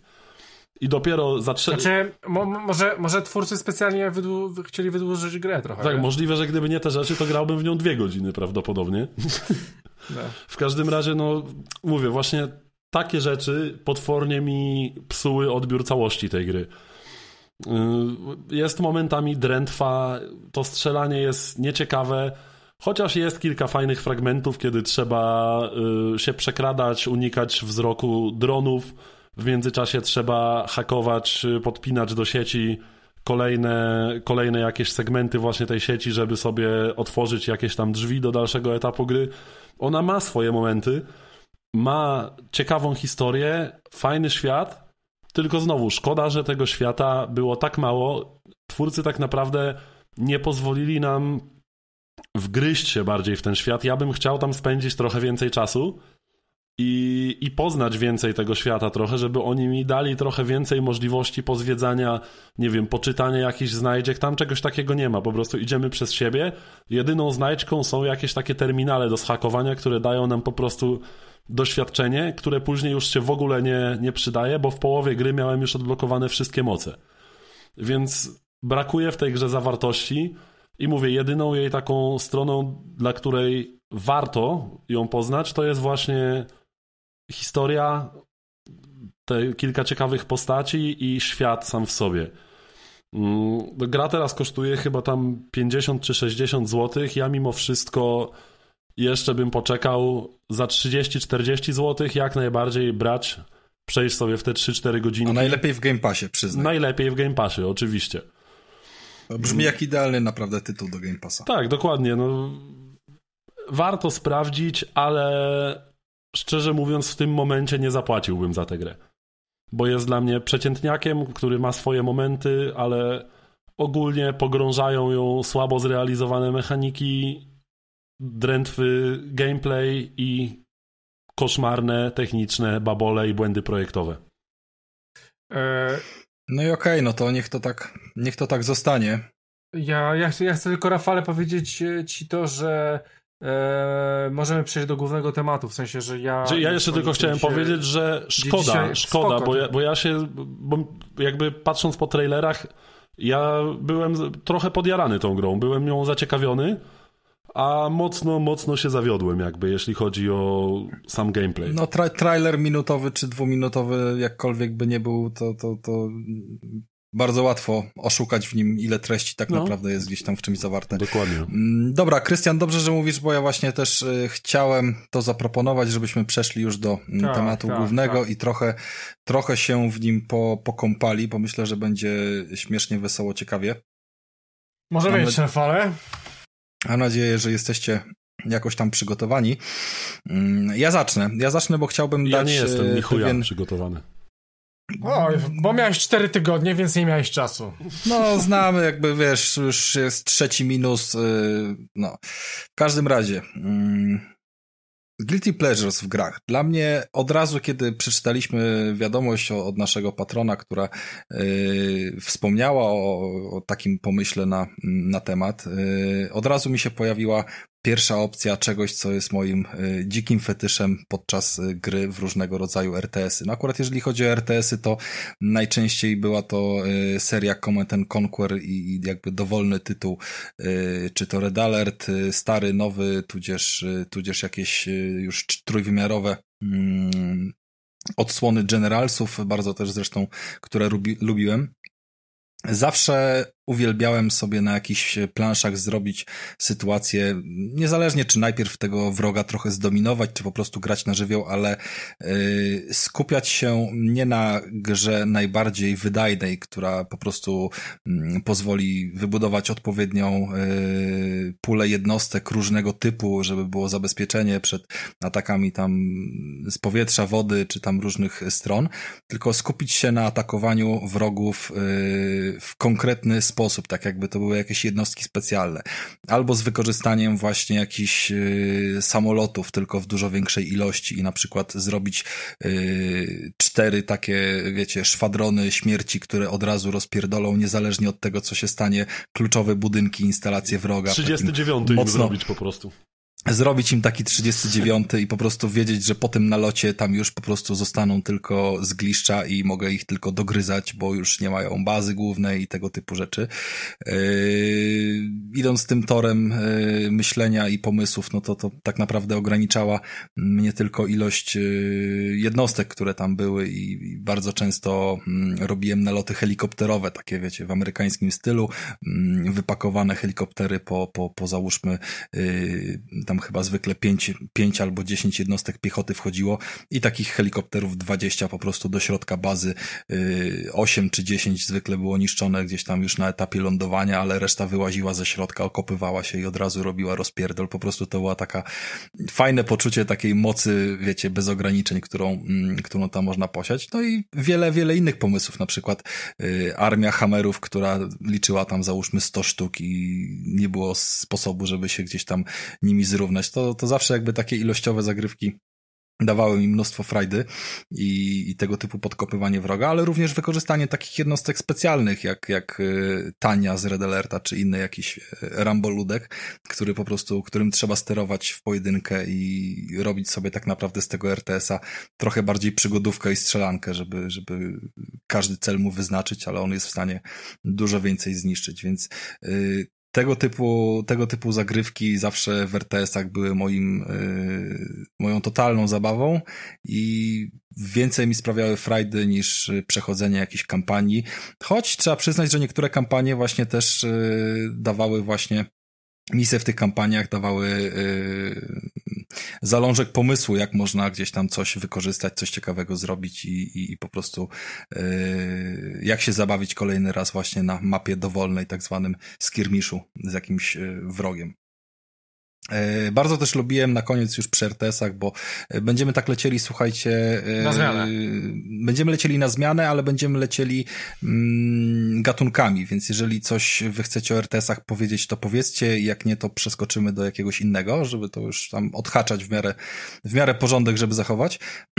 jeżeli chodzi o RTS-y, ostatnią, ostatnim takim mm, sprawiającym ogromną, dziką i niczym nie uwarunkowaną przyjemność było budowanie baz wojskowych, czyli robienie takich, wiecie, e, rozległych struktur zawierających na przykład tam po 10 budynków, baraków, cztery fabryki, e, czegoś tam, wszystko rozstawione z okopami, z wieżyczkami i po prostu no, tam wróg już sobie gdzieś dogorywał, a ja po prostu korzystałem, robiłem sobie z tego typowy tajkon wojenny i po prostu budowałem sobie takie bazy wojskowe. Tryb kreatywny sobie robiłeś po prostu. Tryb kreatywny się uruchamiał, trzeba było też tej kreatywności trochę Y, użyć, bo szczególnie w starych Red Alertach, no jakby zawsze mm, było ograniczenie ilości pól, y, w jakiej odległości możesz zbudować na przykład kolejny budynek czy wieżyczkę. One raczej musiały być blisko siebie, tak? Załóżmy, że w teorii chodziło o doprowadzanie prądu.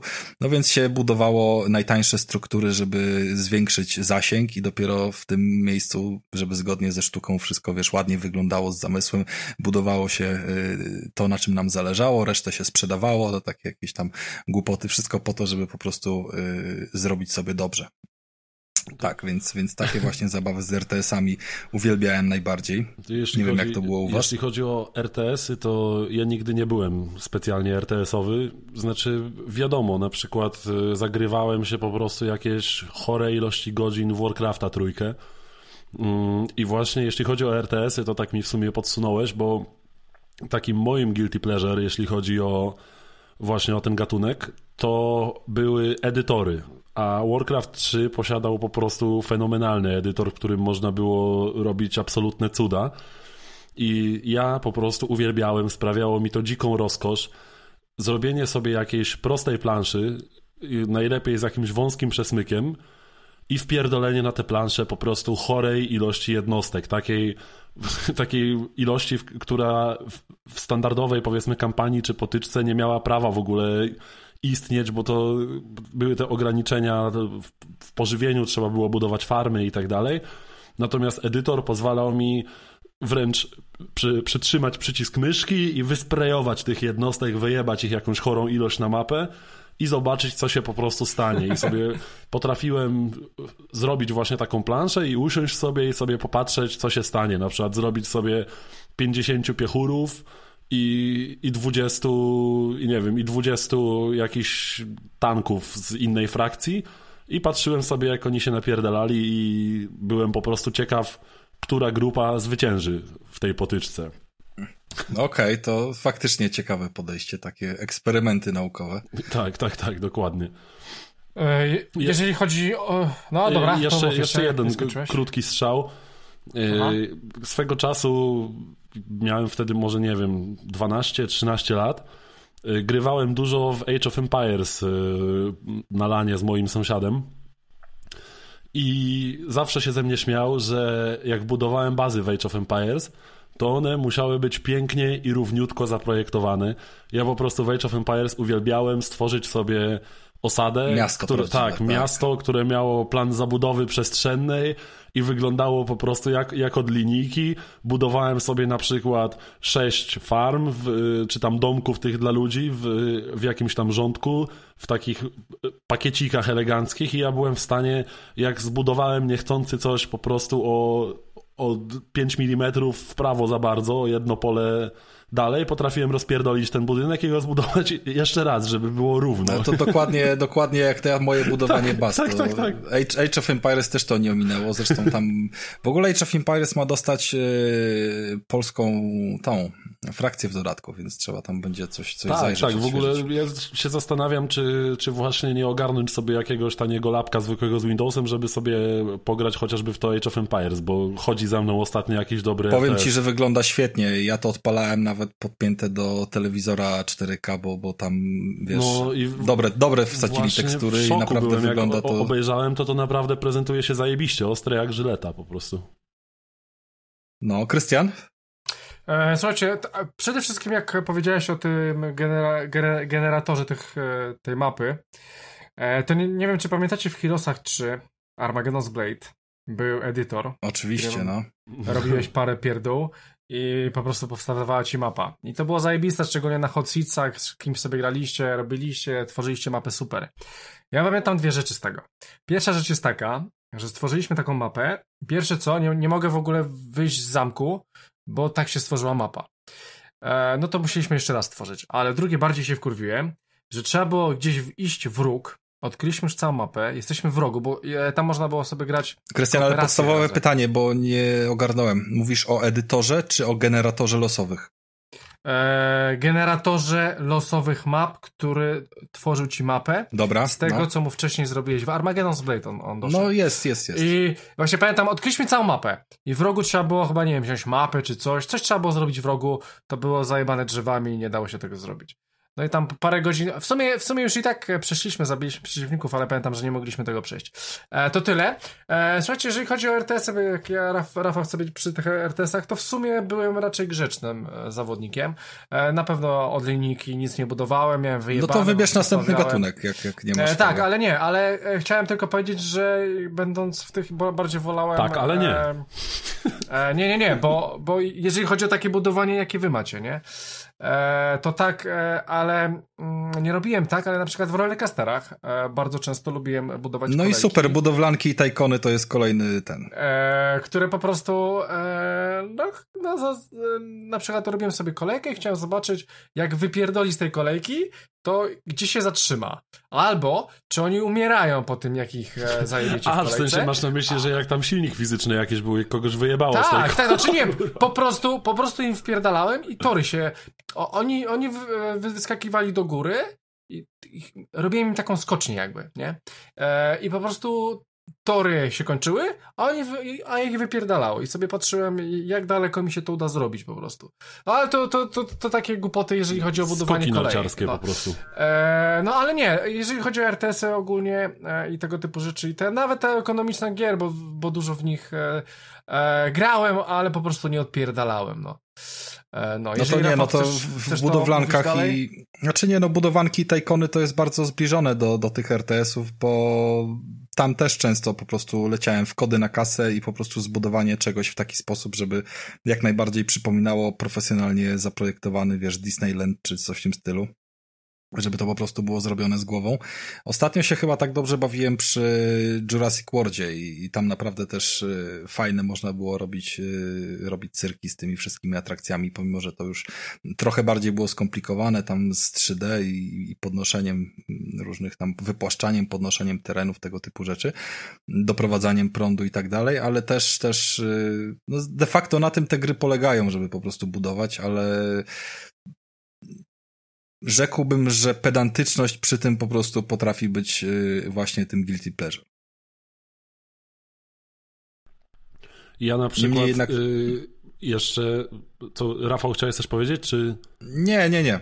Bo na przykład myślę, że każdy może się z tym identyfikować i każdy z nas, każdy, kto gra w gry od lat, myślę, że na pewno kiedyś znęcał się nad Simsami.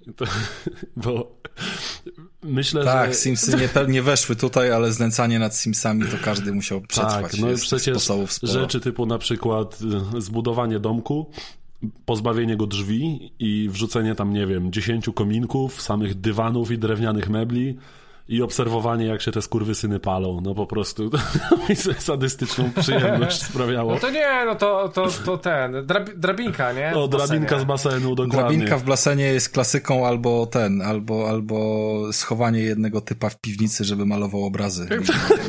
A, tak, tak, to też. Są tak, piękne no, triki, które tak, tam tak, były. tak, tak. Albo na przykład z, zbudowanie pokoju, który ma jedną kratkę wokół Simsa i potem czekanie, aż on tam stoi i on nawet na tej jednej kratce nie ma się gdzie przewrócić, jak już, jak już wyczerpie mu się tam energia. Jak już umrze, to dalej stoi. Tak, tak, dokładnie i w pewnym momencie po prostu w tej jednej krateczce pojawiał się nagrobek, bo Sims się nie miał nawet tak przewrócić. Okej. Okay. No dobra, to słuchajcie, yy, przejdę do innego tematu, jakim są strzelanki. Ja nie jestem tak mocno strzelankowy, nigdy nie byłem mm. i powiem po prostu tylko, co zawsze mi w strzelankach sprawia największą frajdę i chyba nie potrafię się inaczej rozwijać i, i być innym graczem niż po prostu iść w kierunku shotguna plus snajperki. Niesamowicie lubię jakby w close combat i, i możliwość rozkurwienia kogoś z bliskiej odległości. To samo się tyczy, jeżeli tylko gra to umożliwia, tak jak no bądź co bądź Cyberpunk, który też jednak tam trochę tego strzelania miał, to pójście w bronie białe, co, co bardzo jest fajne, jak strzelanka coś takiego umożliwia, a nawet w Halo też tym mieczem energetycznym zawsze, jak tylko była możliwość, to, to go używałem. Tak, pięknie ich wyjebywało na parę metrów tym mieczem. Dokładnie. Znaczy, szkoda, że ich nie przecinało w pół, to już w ogóle byłby super efekt. Natomiast to, to, to po prostu sprawia dziką przyjemność i to jest ewidentnie mój styl gry, żeby pójść na pałę i tam się porozkurwiać. Im bardziej wykokszony jestem, tym, tym lepiej. Z takich rzeczy, które nie do końca powiedzmy mówią o tym, w jaki sposób gramy, ale co robimy, żeby się rozerwać i zabawić w tej grze, to od lat 20 chyba, co najmniej w tych różnych yy, FPS-ach, muszę sprawdzać zniszczenia otoczenia. To jest po prostu jak jakiś Oj, fetysz, tak. fascynacja i, i zawsze muszę strzelać we wszystkie butelki, w gołębie, w kamienie, w ściany, żeby zobaczyć, jakie tam są efekty mm, przez, przez twórców zaplanowane, porozpierdalać. Im więcej tego rozpierdalania jest, tym większą to daje frajdę, rozczłonkowywanie wrogów na najmniejsze kawałki i, i sprawdzanie po prostu, ile tego jest tam jeszcze ukryte przed, przed moimi spragnionymi oczami. Yy, do aut, do otoczenia, no do wszystkiego. To jest zdecydowanie taki główny punkt y, zabawy, podczas gdy, gdy się nie skupiam na y, faktycznej rozgrywce. Y, no i całkiem też może trochę rozgrywkowym, ale niespecjalnie po to, żeby dobrze rozegrać jakiś fragment gry, tylko po to, żeby właśnie mieć z niego dziką frajdę. Często też idę w jakieś pułapki wybuchowe i wykorzystanie jakiegoś mhm. klasycznego momentu, kiedy wiem, że, że tam właśnie będzie możliwość skuszenia wroga na wyjście przez drzwi, to, to zrobienie tam odpowiedniej, odpowiedniego przygotowania i żeby zobaczyć potem, jak, jak świat płonie, tak? To są takie moje y, przy strzelankach kluczowe, y, kluczowe elementy, ale wiem, wiem, że tutaj Krystian się na pewno bardziej popisze. Może teraz on przejmie pałeczkę, no, no. Znaczy, a Mikołaj zakończy. Znaczy, wiesz co, bo ty mówisz o tym roz, rozpierdalaniu, no nie? E, I w strzelankach. Ja akurat chcę wziąć podobny moment, ale raczej w grach action adventure w sumie, bo one, one mnie najbardziej... E, znaczy, tu, tutaj może najbardziej to pamiętam, szczególnie, że mam na świeżo. E, rozwalanie e, porcelany. E, wzięło mi się to chyba naj, najbardziej z Gadowora. Ja nie wiem, czy pamiętacie sta, stare Gadowory. Oczywiście. Były, no, tak, tak, tak, tak. Z, zawsze jak rozpierdalamy e, tam tą porcelanę, w sensie mam, mam na myśli jakiś wazon albo coś, to lecą te jebane orby. E, I I słuchajcie, po tym zostało mi coś takiego, że zawsze musiałem rozpierdalać to, bo liczyłem, że coś tam będzie w innych grach. I nawet teraz gram w Star Wars ostatnio, rozpierdalam to, chociaż wiem, że nic tam nie leci, to ja muszę to rozpierdolić, a ja nie jestem takim graczem, żeby, żeby tracił czas na takie głupoty. Wierzcie mi, nie jestem takim graczem. Ale nie, kurwa, muszę rozpierdolić i jeszcze posłuchać, jak ten wazon się rozpierdala i wtedy mogę iść dalej. I to też taki ma, mały fetysz mi został, że muszę rozpierdolić w porcelanę. Ale chyba mam to samo, bo wczoraj w Hadesie ale... robiłem to samo. Ale no, no, ale, ale wiesz, w, Hadesie, a w Hadesie nic nie wypada z tego? Nie zauważyłem, żeby mi coś wypadło. Nie grałem długo, no, no właśnie, bo trochę tych wazonów... Wy... Tak, ale jak nie wypada, to ja tego nie ruszam. Nigdy tego kurwa nie ruszałem. Ale nie, teraz ruszam cały czas. Ale, ale tylko porce... znaczy chyba z, tylko z porcelaną tak zauważyłem. W sensie z wazonami i, i różnymi tego, z doniczkami. Jak słoń w składzie porcelany po prostu jesteś. O, mniej więcej, no. No to, no to tylko to chciałem dodać, bo jeżeli chodzi o takie e, shootery, że coś tam rozpierdalasz czy coś, to nie. Ja, ja jestem e, grzecznym graczem i, i w sumie też, e, jeżeli chodzi o takie rzeczy, to to nie, to, to, to, to nie muszę się aż tak... No dobra, jeszcze cię wywołam do odpowiedzi, jak będziemy gadać o multi, bo wiem ile grałeś w Siege'a chociażby i tak dalej, to może jak nie o strzelankowych fetyszach, to o multi fetyszach. Al, albo może nie pamiętam też, no ale dobra, mów. No, a jeśli o mnie nie, no chodzi... Mikołaj. E, jeśli o mnie chodzi, to tak, w shootery, w shootery trochę grałem i oczywiście właśnie podpinam się pod to, co, co powiedział Rafał, że mam manię po prostu chodzenia po tych lokacjach, lizania ścian i sprawdzania, co mogę rozjebać, a czego nie mogę. Ale bardziej niż to, yy, sadystyczne skłonności się we mnie odzywają, bo zawsze po prostu w jaką grę bym nie zagrał, też w sumie niezależnie od tego, czy to jest shooter, RPG, czy cokolwiek, zawsze sprawdzam, czy zwłoki nadal są fizycznymi obiektami po tym, jak je ubiję.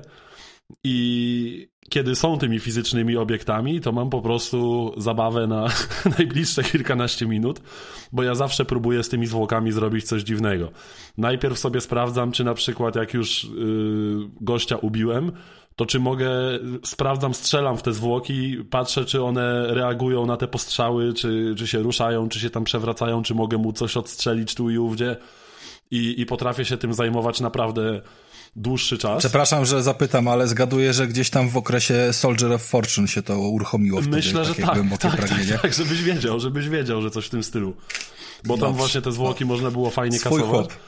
I też właśnie to, co wspominałeś, że niesamowitą frajdę y, sprawia, kiedy gra pozwala ci grać naprawdę na blisko i jest taka gra, którą kocham bardzo i to są obie części tych nowych Wolfensteinów, w sensie New Order i New Colossus.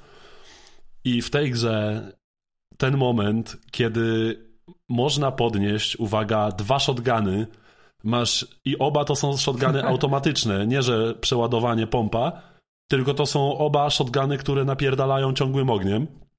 I masz dwa takie shotguny w ręce i do tego tam się strzela do nazistów, więc jakby kiedy wchodzę do jakiejś nazistowskiej bazy i widzę 15 łebków, wrzucam tam granat i widzę po prostu jakby wręcz potoki juchy, flaków i oderwanych kończyn, które jak ze zraszacza wylatują z tego pomieszczenia, a potem ja tylko wjeżdżam w to pomieszczenie i z obu shotgunów puch, puch, puch, puch, puch, puch, puch i jest po prostu, robi się mielona, wszędzie chlapie, ja tylko później tylko sprawdzam sobie, oglądam sobie ściany, patrzę, czy krew się rozchlapuje na ścianach, na podłodze, na obiektach i tak dalej.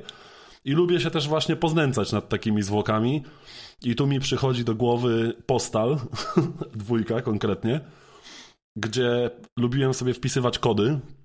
Grałem w to jako dzieciak, więc w sumie nie wiem jakim cudem wyrosłem na w miarę normalnego człowieka, ale pamiętam, że... Nawet lubisz koty. Nawet i nawet lubię koty, właśnie o to chodzi.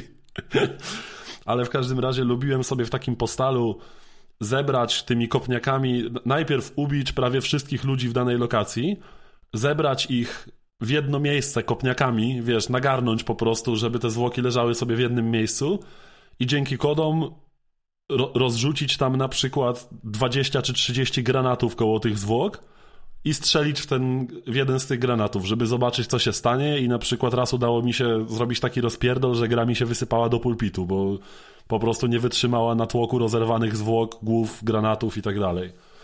Więc takie rzeczy właśnie mi w strzelankach zawsze sprawiają niesamowitą frajdę.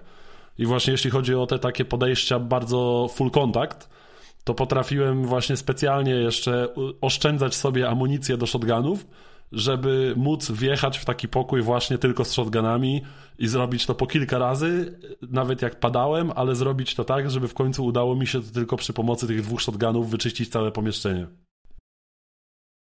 No i to brzmi całkiem zrozumiale.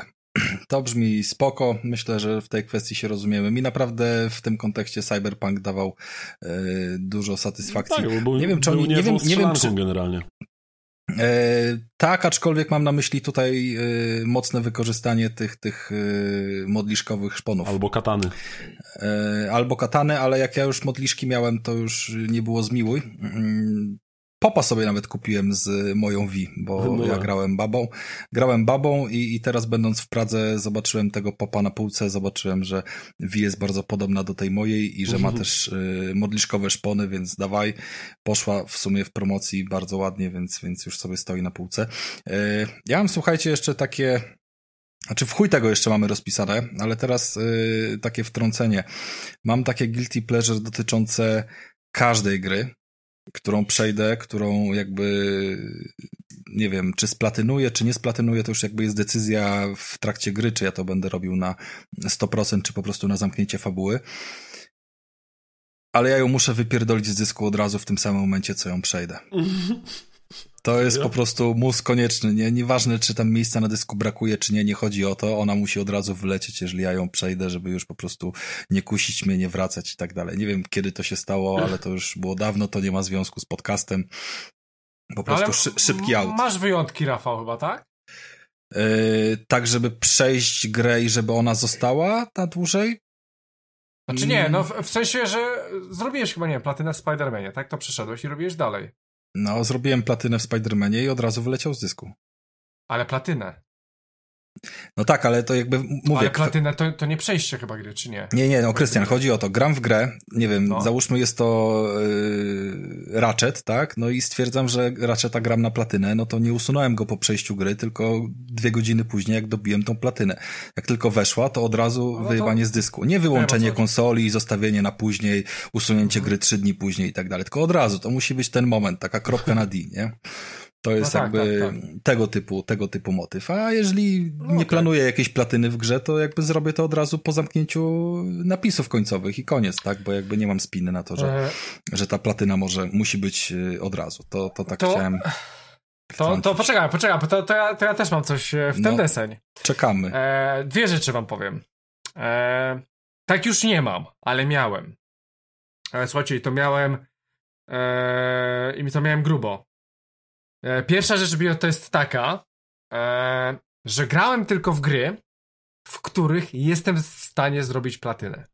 Nie ruszam gry, nie ruszam gry, w której nie zrobię platyny.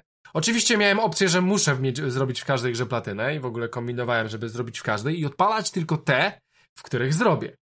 I to mogło się tyczyć kiedyś, swego czasu, Wiedźmina. Chociaż z Wiedźminem to jest inna opcja, bo tam, tam po prostu czasowo też. E, ja wiem, że jeżeli ma być 100 godzin w grze, to, to ja muszę mieć ten czas. Ale na przykład z takich starszych gier, e, to na przykład swoją drogą GTA 5. E, wiedziałem, że nie zrobię platyny, więc nawet nie będę przechodził tej gry, bo po co? E, e, z takich większych Ale co, tytułów... i serio do tej pory nie przeszedłeś GTA? Nie, nie, nie, nie, nie, nie. No, do tej pory nie przeszedłem GTA, ale spokojnie już bym sobie usiadł. Ale nie przeszedł GTA, on nie przeszedł Może... Wiedźmina, nie przeszedł Cyberpunka i nie przeszedł okay. Metal Geara, więc jakby... Pojebany jakiś.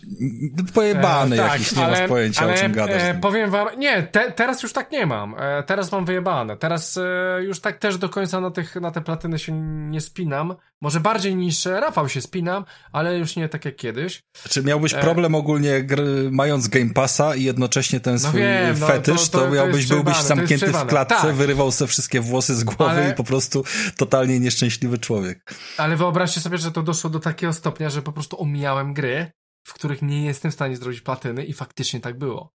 E, teraz już tak nie jest, e, ale no na przykład dużych herpegów na ogół nie ruszałem, bo wiedziałem, że e, nie zrobię albo jest ciężko. Szczególnie, że, że, z, że zawsze, aha, to też jeszcze ciekawsza rzecz, zawsze przed tym, przed kupieniem gry, przed odpaleniem gry, zawsze wchodziłem na jakiś e, e, PlayStation Trophies, czy e, Achievements Hunter, czy coś w tym stylu i patrzyłem, jaki jest stopień ciężkości zrobienia platyny w tej grze.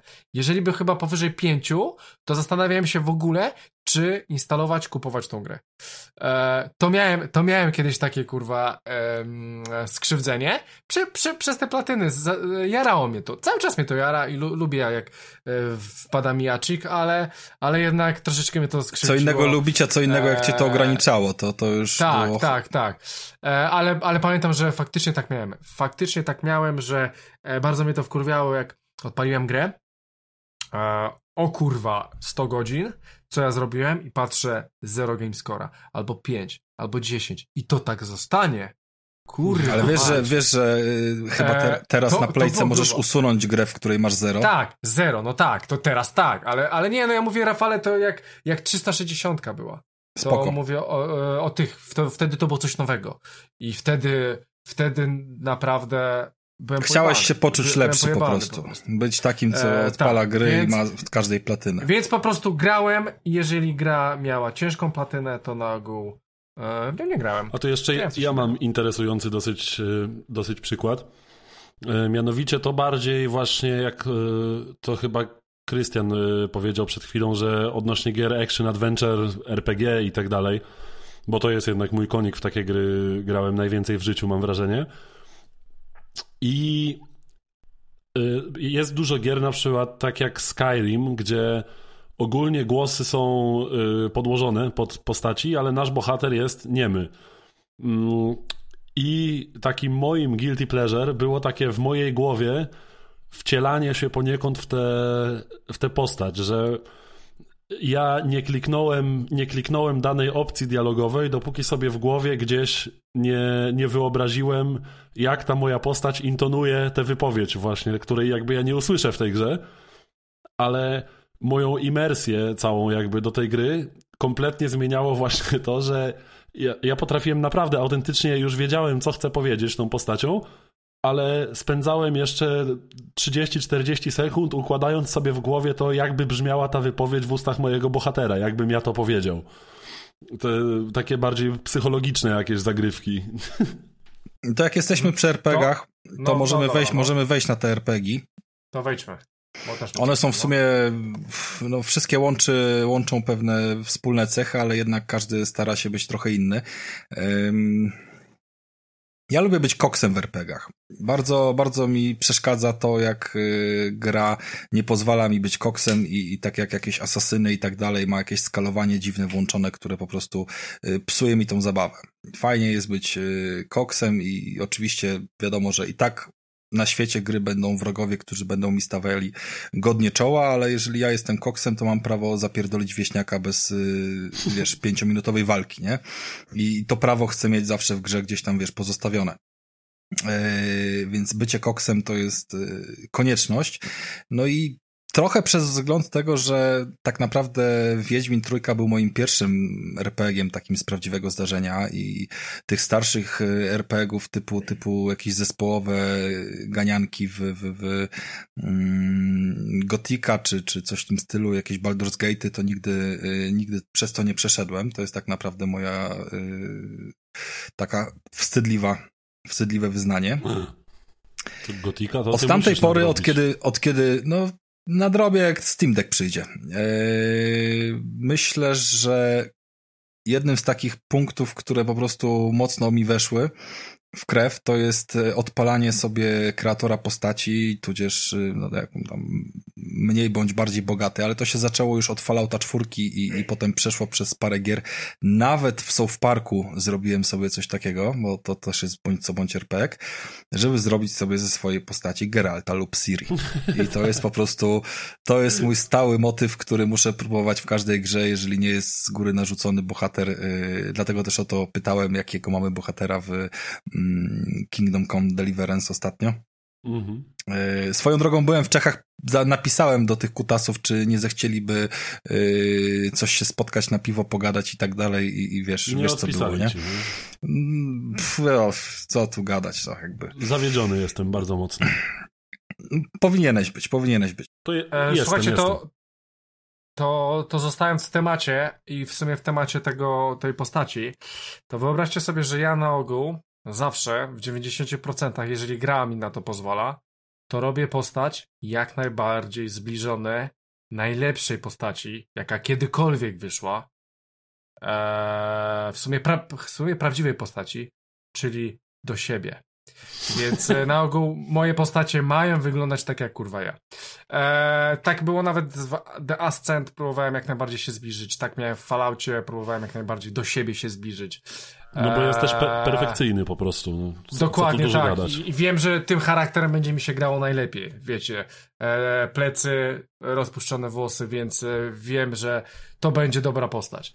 E, I zawsze, jeżeli mam taką możliwość, to robię siebie we wszystkim. W FIFA chyba, w FIFA też Ale tak, siebie, ja też tak robiłem we wszystkich, we wszystkich kreatorach też musiałem spróbować siebie stworzyć. To, to no, ale nie, ale wiesz, ale ja, ja grałem. Lubię babkami bardzo grać e, w RPGach, to o, na ogół to działa tak. Jeżeli nie mogę za bardzo zrobić siebie, to gram babką.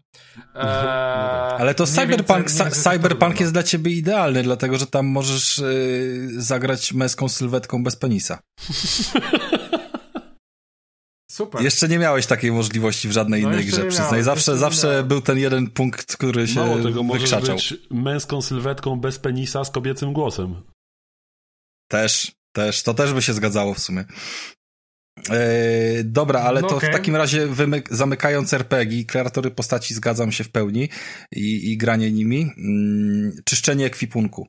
Jak ja nienawidzę ekwipunków w RPGach, jak ja po prostu mam pasję tego, żeby sprzedać wszystko. Y, dopóki to nie jest oznaczone jako przedmiot fabularny, wypierdalaj. Ganiam czasami pięciu muszę po kolei handlarzy znaleźć, bo im muszę, wiesz, y, oczyścić sakiewki, żeby wyprzedać całe gówno, które zbiorę, ale oczywiście muszę zebrać każde gówno, które trafię na drodze, więc to jest taki podwójny fetysz w kontekście mm, czyszczenia, czyszczenia map, a potem czyszczenia sakiewki w RPGach. No i zwykle kończę jako ten kurwa najbogatszy na wsi, no. Dobra, to co? To zamiast RPG-ów teraz yy, panowie wybierajcie. Przygodówki czy wyścigi? Yy, ja mogę zacząć chwilę. od wyścigów e, w sumie. Po, po, e, poczekajcie. Okej, okay, no okej. Okay. No to wyścigi, wyścigi, to Mikołaj. Okay. Yy, pamiętacie na pewno taką grę Flatout? Mm. No, oczywiście, chociażby też w Request ostatni. No. Tak, tak. Tylko, że właśnie we Flataucie była ta fantastyczna opcja y, z kierowcą wypadającym przez szybę przy mocniejszych tak, uderzeniach. Tak, tak. I w każdym, absolutnie każdym wyścigu, jaki rozgrywałem, zanim pojechałem go tak na poważnie, żeby go wygrać, musiałem zawrócić i jechać pod prąd i spróbować się jak najbardziej widowiskowo wpierdolić w tych gości jadących naprzeciwko mnie na czołówkę, tak żeby mój kierowca poleciał jak najdalej, jak najlepiej i jeszcze najlepiej, jak wpadł jeszcze pod koła innych samochodów. Albo przy tej fajnej fizyce flatautowej, jak na przykład wyleciał... Coś, coś przez... masz z tym torturowaniem zwłok, przyznaj. No mam, coś no mam. Gdzieś tam nie, siedzi. Nie ukrywam jakby. No. Nekrofilia. Wiesz, to no, okay. za dużo grałem w postala jako dziecko, nie? I wiesz, no może, i, może i to było to. Tak, i ogólnie, no nie ukrywam, lubię się znęcać nad tymi postaciami w grach i robić z nimi dziwne rzeczy. Właśnie tak jak mówię, wystrzelić kierowcę przez szybę po czołowym zderzeniu we flataucie, no to to jakby robiło mi dzień zawsze. Mogłem wrócić wkurwiony ze szkoły czy coś, ale przejechałem sobie jeden wyścig we flataucie, rozjebałem się czołowo z, ze wszystkimi innymi samochodami i od razu mi było lepiej. E, to, to ja teraz powiem w takim razie, jeżeli chodzi o wyścigi. O wyścigi w sumie gry też e, e, samochodowe, typowo samochodowe, więc opowiem trochę o tym GTA. E, ale o GTA powiem szybko. E, ja bardzo dużo grałem w pierwsze GTA. E, w pierwszym GTA e, to było świetnie zrobione, bo nie wiem, czy pamiętacie. Były zakonnice. I te zakonnice szły, szły zawsze gęsiego. Słyszysz zawsze gęsiego. I jeżeli wam się udało je rozjechać idealnie. I był bonus. To tam chyba. Tak, to był bonus. I to było po prostu mistrzowskie. Kurwa. I jeszcze. A najlepsze, że to, że ja sobie to robiłem cięższe, żeby było ciężej. To brałem sobie zawsze autobus, żeby było ciężej mnie przejechać. I ja autobusem waliłem, a później starałem driftować się. No nieważne. No nie pytam, jak często chodzisz do kościoła. Okej, okay, e, to było zajebiste. Strasznie mi się to podobało. E, jeżeli chodzi o rozjeżdżanie ludzi, to nie wiem, czy pamiętacie taką grę, która nazywała się Midtown Madness. Bodajże w dwójkę grałem. Była, była, tak, e, tak, tak, tak. Była, tak. To, była, to było coś takiego, że się jeździło po mieście. E, już się pamiętam, tam jakieś wyścigi Tak, były. i to, były, Pamiętam, to miało tam... nawet jakieś znamiona takiego otwartego świata poniekąd. Tak, tak, tak. tak było, tak, było. Tak, tak to, to były wyścigi, znaczy to były zamknięte wyścigi, ale w otwartym świecie. E, I powiem wam, że tam byli też przechodni. E, i, i, ale oni spierdalali, e, oni się przyklejali do oni ścian. Spier... Ale słuchaj, oni tak spierdalali, że ja robiłem tyle scenariuszy, żeby ich kurwa przyjechać, ale się kurwa nie dało, bo zawsze odskakiwali. Tak I samo było w ja... driverze pierwszym, tak, nie? Dokładnie. Że, że Sklejali się do ścian, płascy się robili. Tak, ale, ale ja pamiętam, że no tak skurwysyny przeje... ten, odskakiwali, ale, ale oni mieli takie ogromne, ogromne rzuty kurwa od tego samochodu, że e, to była piękna bajka. I jeszcze, e, oczywiście, najpiękniejsze rozpierdalanie samochodów. E, Boże, na, na, najpiękniejsze rozpierdalanie lud, e, ludzi. Carmageddon. Były... Carmageddon, dokładnie dwa, dwa, chyba on się nazywał TDR. I po prostu, jak ja miałem kurwa dwa śmigła przyczepione do przodu, to po prostu bajka. Uwielbiałem to kurwa robić. Po prostu uwielbiałem. Ja, ja, nie, ja nie musiałem się ścigać. Tak, ja, Carmageddon to po te... prostu można było olać w ogóle ten wyścig i miałeś w dupie to, co się tam działo, tylko jeździłeś i po na przykład... Te, te, to Ale przecież, przecież w Carmagedonie od zawsze miałeś trzy opcje na tak, wygranie można gry. było rozjechać wszystkich wyścig. przechodniów. A, punkty były tam tak jakieś. Tak, Dokładnie, pamiętam. punkty rozjechanie. Już, Carmageddon 2 to była jedyna gra, jaką y, chyba realnie przeszedłem od A do Z y, na 100% na tablecie, bo wyszła swego no czasu wersja y, nie remaster żaden, tylko po prostu port przeniesiony tak, na tak, tablety. Tak, tak, no i jakby chwalimy Carmagedona. Mieliśmy, mieliśmy bardzo fajny materiał i przypominamy o nim, że ten ostatni Carmageddon sprzed y, bądź co bądź już pięciu lat jest naprawdę zajebistą grą i bardzo, bardzo niedocenioną. No dobra, ale wy poszliście w kwestii wyścigów bardzo mocno w y, mordowanie, niszczenie, zabijanie, terror i tego typu sprawy. Y, więc ja chyba jako jedyny poważnie traktujący temat wyścigów powiem, co, co tak naprawdę mm, mnie w nich y, uruchamia. Nie jestem w stanie od pewnego czasu, od kiedy to się pojawiło w grach, przejść obojętnie obok edytora malowania yy, Oj, tak, samochodów. Oczywiście. Nawet, nawet jeżeli, nawet jeżeli powiedzmy tak jak w Forzie yy, jest już opcja pobierania gotowych i te wszystkie yy, klasyczne rozwiązania typu, typu fury inspirowane szybkimi, wściekłymi i tak dalej są już dostępne, zrobione w wielu wersjach przez, yy, przez innych, to nic nie zmienia, to ja zawsze muszę zrobić gdzieś tam coś swojego i, i zaczęło się to chyba tak na poważnie od y, pierwszego Need for Speeda tego z 2016 roku. Mm, w Gran Turismo też miałem swoją, y, w Gran Turismo Sport swoją sporą bazę y, malowanych aut. Tam w ogóle był śmieszny motyw. Słuchajcie, nie wiem, kiedyś może o tym mówiłem. Gran Turismo dodawało auta. Po tym jak wyszła gra na premierę, no to praktycznie co miesiąc była aktualizacja, która dodawała kolejne 4-5 aut i, i dlatego jakby po całym finale tych wszystkich update'ów wyszła jakaś tam wersja nawet na płycie Spec 100 czy coś w tym stylu. W każdym razie no z 50 giga gra urosła do 110 i, i to faktycznie wszystko poszło w trasy i, i modele pojazdów. Mm, no więc kiedy wszyscy gracze zatrybili, że nie wiedzą, co tak naprawdę dostaną, być może mają na to jakiś wpływ i tak dalej, to słuchajcie, były y, projekty aut, y, malowań, które zawierały komunikaty, na przykład dajcie nam Suprę z 98, tak? I ona tam zdobywała, wiesz, milion lajków i była na top y, one, wiesz, do pobrania i oni musieli to widzieć, nie? Że taki komunikat to od graczy szedł, że, że wiesz, że chcemy Supry albo coś w tym stylu. To była akurat bardzo fajna akcja, ale nie, malowanie Malowanie fur to jest świetny, świetna rzecz i naprawdę można tak, to, cudowne rzeczy robić. To potrafi robić zająć i... po prostu grube godziny, te, te edytory. Potrafi zająć grube godziny i wielokrotnie mi zajęło, jak również też godziny mi zajęło przeglądanie innych projektów i wyszukiwanie takich naprawdę klimatycznych i fajnych. Yy, aczkolwiek to też musi być dobrze zrobione, tak? To, to jest coś takiego.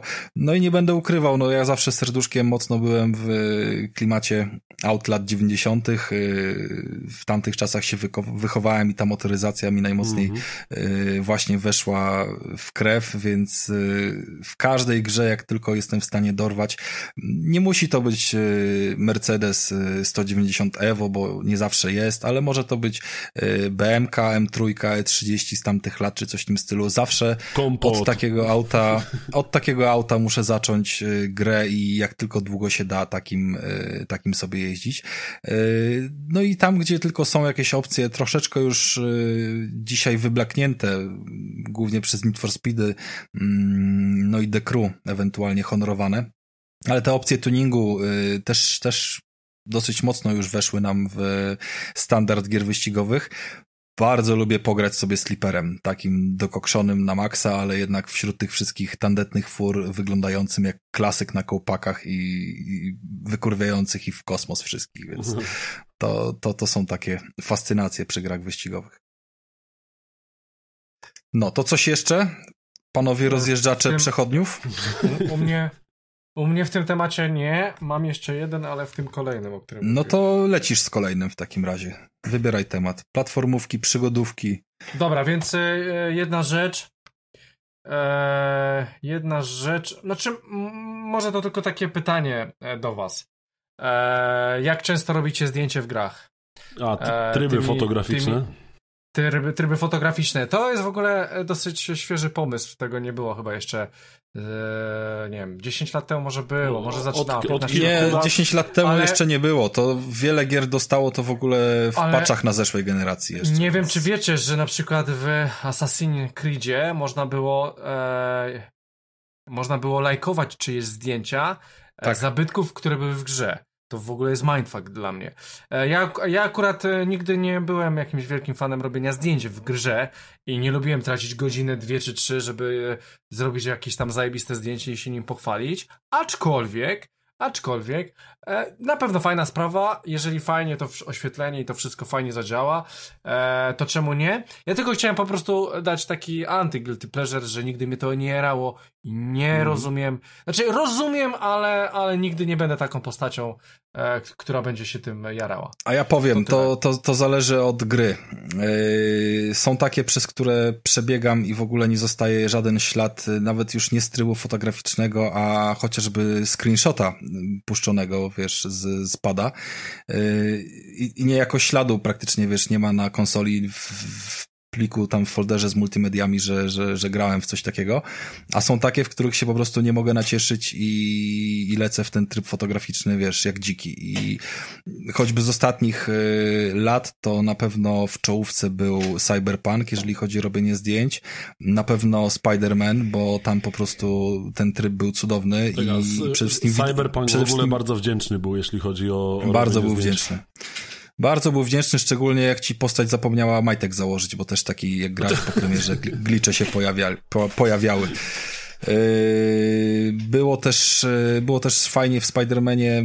De facto ten sam tryb bez zmiany wskoczył do Ratcheta, tylko Ratchet po prostu nie interesował mnie pod kątem robienia zdjęć yy, z uwagi na swój po prostu klimat. No tam moim zdaniem nie było nic ciekawego tak mocno do fotografowania jak w porównaniu do Pająka i Nowego Jorku, ale też fajnie, że pojawiają się szczególnie z, na nowych generacjach, gdzie już mamy te śledzenie promieni w trybie fotograficznym, możliwość umieszczenia konkretnych źródeł światła, które tą postać doświetlają z jednej, z drugiej strony i sobie ustalamy. Nie wiem, czy Mikołaj wiedziałeś o tym, ale można sobie właśnie mm, u Insomniaków, czyli w Spider-Manie mm -hmm. i w, w tym ustawić właśnie y, dowolne źródła światła podczas jakiejś sceny, żeby znaczy, ona ogóle, wyglądała jeszcze lepiej. W ogóle ja sobie zawsze ceniłem w tych takich trybach, bo y, nie ukrywam, że sprawia mi bardzo dużą frajdę właśnie wypatrywanie fajnych widoczków, fajnych detali w grach. To jest takie moje pleasure, pleasure po prostu, e, że lubię oglądać gry po prostu, więc jakby ja byłem katowany wręcz, niszczony psychicznie przez takie Red Dead Redemption 2 na przykład, gdzie ja potrafiłem, misja, która powinna mi zająć 10 minut, zajmowała mi 2 godziny, bo ja po drodze 10 screenów narobiłem, dwa filmiki i musiałem wypatrywać jakieś fajne widoczki i tak dalej. To jest na pewno coś, co ja lubię robić. Nawet myślę, Krystian to zauważył, jak graliśmy sobie w Gearsy piątkę mhm. i, tak, i siedziałem tak, tak. I, i on już chciał iść dalej, a nagle się odwracał i widział, jak ja patrzę w podłogę, bo zobaczyłem, że jak chodzimy po piasku, to nasze ślady butów się zasypują tym piaskiem za chwilę, nie? I tylko, i, i tylko cieszyłem się, że nie masz nowej konsoli, bo byśmy grali już dwa razy. no właśnie. Więc takie wypatrywanie takich rzeczy jak najbardziej i cenię sobie właśnie w trybach fotograficznych, już nawet pomijając te dodatkowe źródła światła, które mogą ci doświetlić postać, ale bardzo sobie cenię możliwość wybory pory dnia, wyboru pory dnia kiedy mogę ten tryb fotograficzny włączyć i wybrać sobie, która jest godzina w grze, żeby pozycja słońca tak, odpowiadała. Tak, to, się, to, się, to się bardzo przydaje. Yy, mam kilka spostrzeżeń ciekawych, jeżeli chodzi o, o tryby fotograficzne. Pamiętam, jak ostatnio grałem w Uncharted yy, z tymi, z tymi dwoma laskami tam, zaginione dziedzictwo to chyba było. Zaginione dzie, dziewictwo, tak. dziewictwo, tak. Zaginione dziewictwo. Tam, tam była opcja taka, że mogłeś sobie ustawiać to słońce, tylko że mogłeś tym słońcem zakurwiać wszędzie dookoła i w lewo i w prawo i tak dalej. I to słońce faktycznie tam było, praktycznie rzecz biorąc chodząc po mapie, więc by, był tam zabawny element. Ale w sumie niby wyszliśmy już z gier wyścigowych, ale no ja w nich spędziłem sporo czasu. I powiem wam, że dwa bardzo ciekawe rozwiązania yy, pojawiły się w dwóch yy, całkiem różnych tytułach. Forza ma fajny tryb fotograficzny, ale klasyczny. Jakby tam powiedzmy, że się niczym on nie wyróżnia poza, poza standardem, filtrami, jakimiś tam zniekształceniami i, i właśnie regulacją yy, pory dnia w Gran Turismo był niesamowicie dopracowany motyw, yy, oddzielna funkcja w ogóle, jakby abstrahując od trybu fotograficznego w wyścigu, który się nazywał Scapes i oni mieli tam yy, po całym świecie porobione, nie wiem, finalnie chyba kilkaset yy, zdjęć wysokiej mm, jakości, które były sprzężone z zdjęcia płaskie, tak? Natomiast one były sprzężone z wirtualnym oświetleniem, które padało na pojazd i dawało odczucie, że on tam faktycznie jest i ty sobie mogłeś na tym wirtualnym zdjęciu um ustawić A, sobie swój samochód. swój samochód, okej. Okay. Tak, umieścić, obrócić tak w ramach krawężnika, czy tak jak to było powiedzmy dostosowane.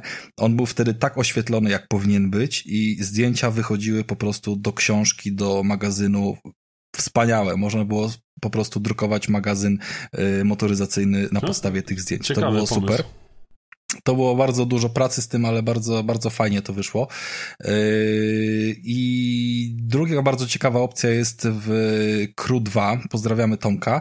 Mm, tam odpalenie trybu fotograficznego, pomimo że to jest gra non-stop online, powoduje niejako taką twoją pauzę.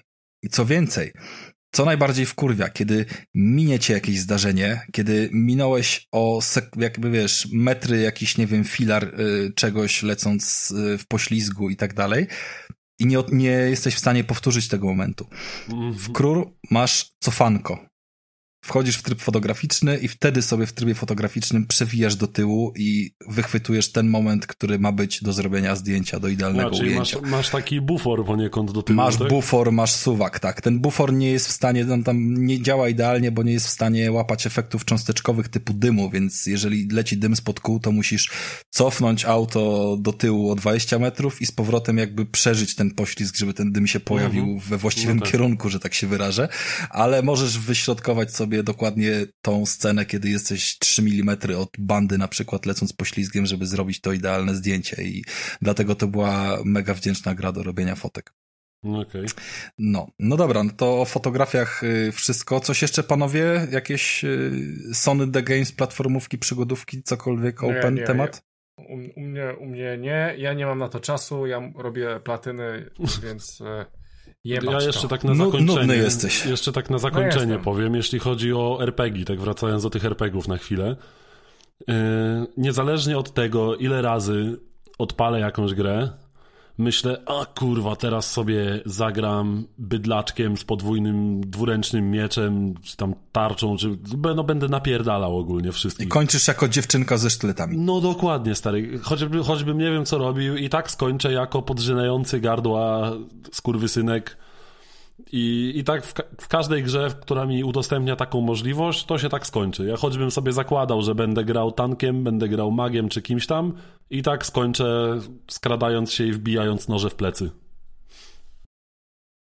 Bardzo lubię, kiedy gra w ogóle pozwala na to, żeby na, na wiele sposobów rozwiązywać te same problemy. Oj tak. I bawić się jak w prawdziwej piaskownicy, żeby sandbox nie oznaczał, że jest duża mapa, ale tak naprawdę masz trzy o, ścieżki właśnie. czy dwie ścieżki na przejście tego samego, tylko żeby tych możliwości było dużo. Dokładnie. I nie wiem, nie wiem, czy na chwilę obecną jakaś gra zrobiła to lepiej y, w kontekście samego tam powiedzmy zwalczania wroga a nie jakichś wyborów fabularnych niż e, Metal e, Gear Solid 5. A ja chciałem Tam... powiedzieć, myślałem, że powiesz Deus Ex ogólnie, jeśli chodzi nie, o nie, nie, nie. problemów. Znaczy, nie wiem jak starsze Deus Exy, bo jedynie grałem w tego ostatniego Mankind Divide i tam nie było tego efektu. Tam tam to było bardzo udawane, gadaliśmy o tym, recenzowaliśmy to na premierę, mm-hmm. fajnie było, mieliśmy promkę, ale tam był bardzo oszukany ten efekt i, i tak naprawdę zawsze można było jakby spierdolić do kratki wentylacyjnej, zrobić jakiś tam ten...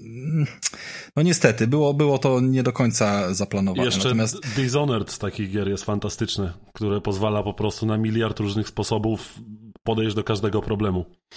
No właśnie to jest jeszcze gdzieś na mojej liście, więc to, to, to faktycznie nie, nie, że całą grę, bo całą grę grasz tak, jak ci jest przyjemnie, ale po prostu, żeby móc sobie w odpowiednim momencie zrobić dobrze w jakiś inny sposób, no, lewą ręką czy coś. Może, może się wypowiem na temat tego Dishonored kiedyś, na, na ramach naszego podcastu. Okej. Okay.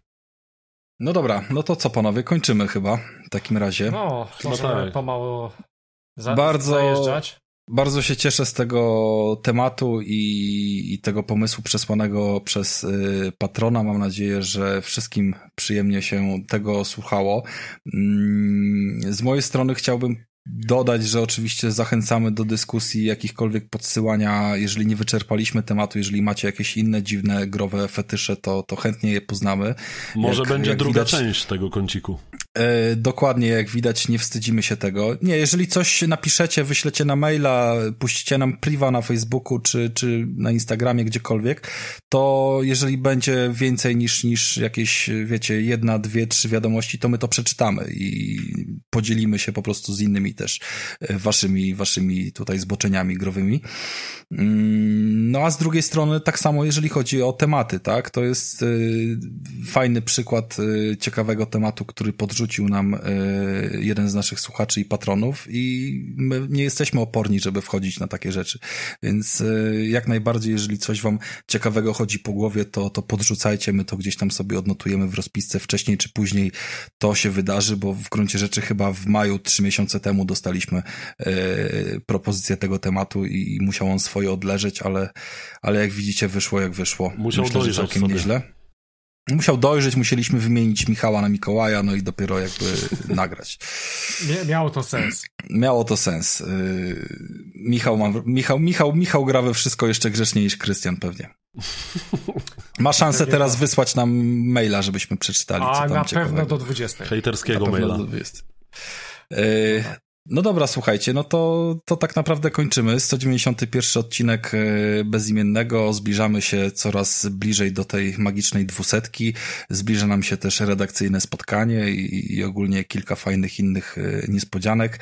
Jak zwykle dziękujemy patronom, dziękujemy wam. Zapraszamy na Facebooka w postaci zarówno fanpage'a, jak i przede wszystkim grupy, bo tam wciąż jest e, dużo dyskusji, treści, które które nawet czasami mnie omijają i potem wchodzę, patrzę, że ktoś się pokłócił, ktoś się pogryzł, ktoś się tam pozabijał o jakieś głupoty. Yy, staramy się też yy, trzymać i mamy cały czas yy, w miarę, w miarę zadbaną i uporządkowaną grupę na Discordzie. Mamy profil na Instagramie, który prowadzę ja i jest on bardzo leniwie prowadzony, ale czasami jednak coś tam ciekawego przychodzi. No i cóż więcej tutaj dodać, no. Dziękujemy, że byliście tutaj z nami. E, prowadziłem odcinek ja, Rafał Radomyski, był ze mną Krystian Kender. E, byłem, dzięki. E, I pamiętajcie, że dzisiaj jest 17 sierpień, ok? Sierpnia. Sierpnia, no kurczę, ej, no dobra, ja. no nieważne, okej. Okay. To się wytnie. I był z nami Mikołaj Weiser. Tak jest, byłem, pozdrawiam, cieszę się, że znowu tu jestem. Może tym razem komp mi się nie spierdoli, to w następnym odcinku też będę. Dzięki. Dzięki, trzymajcie się, cześć.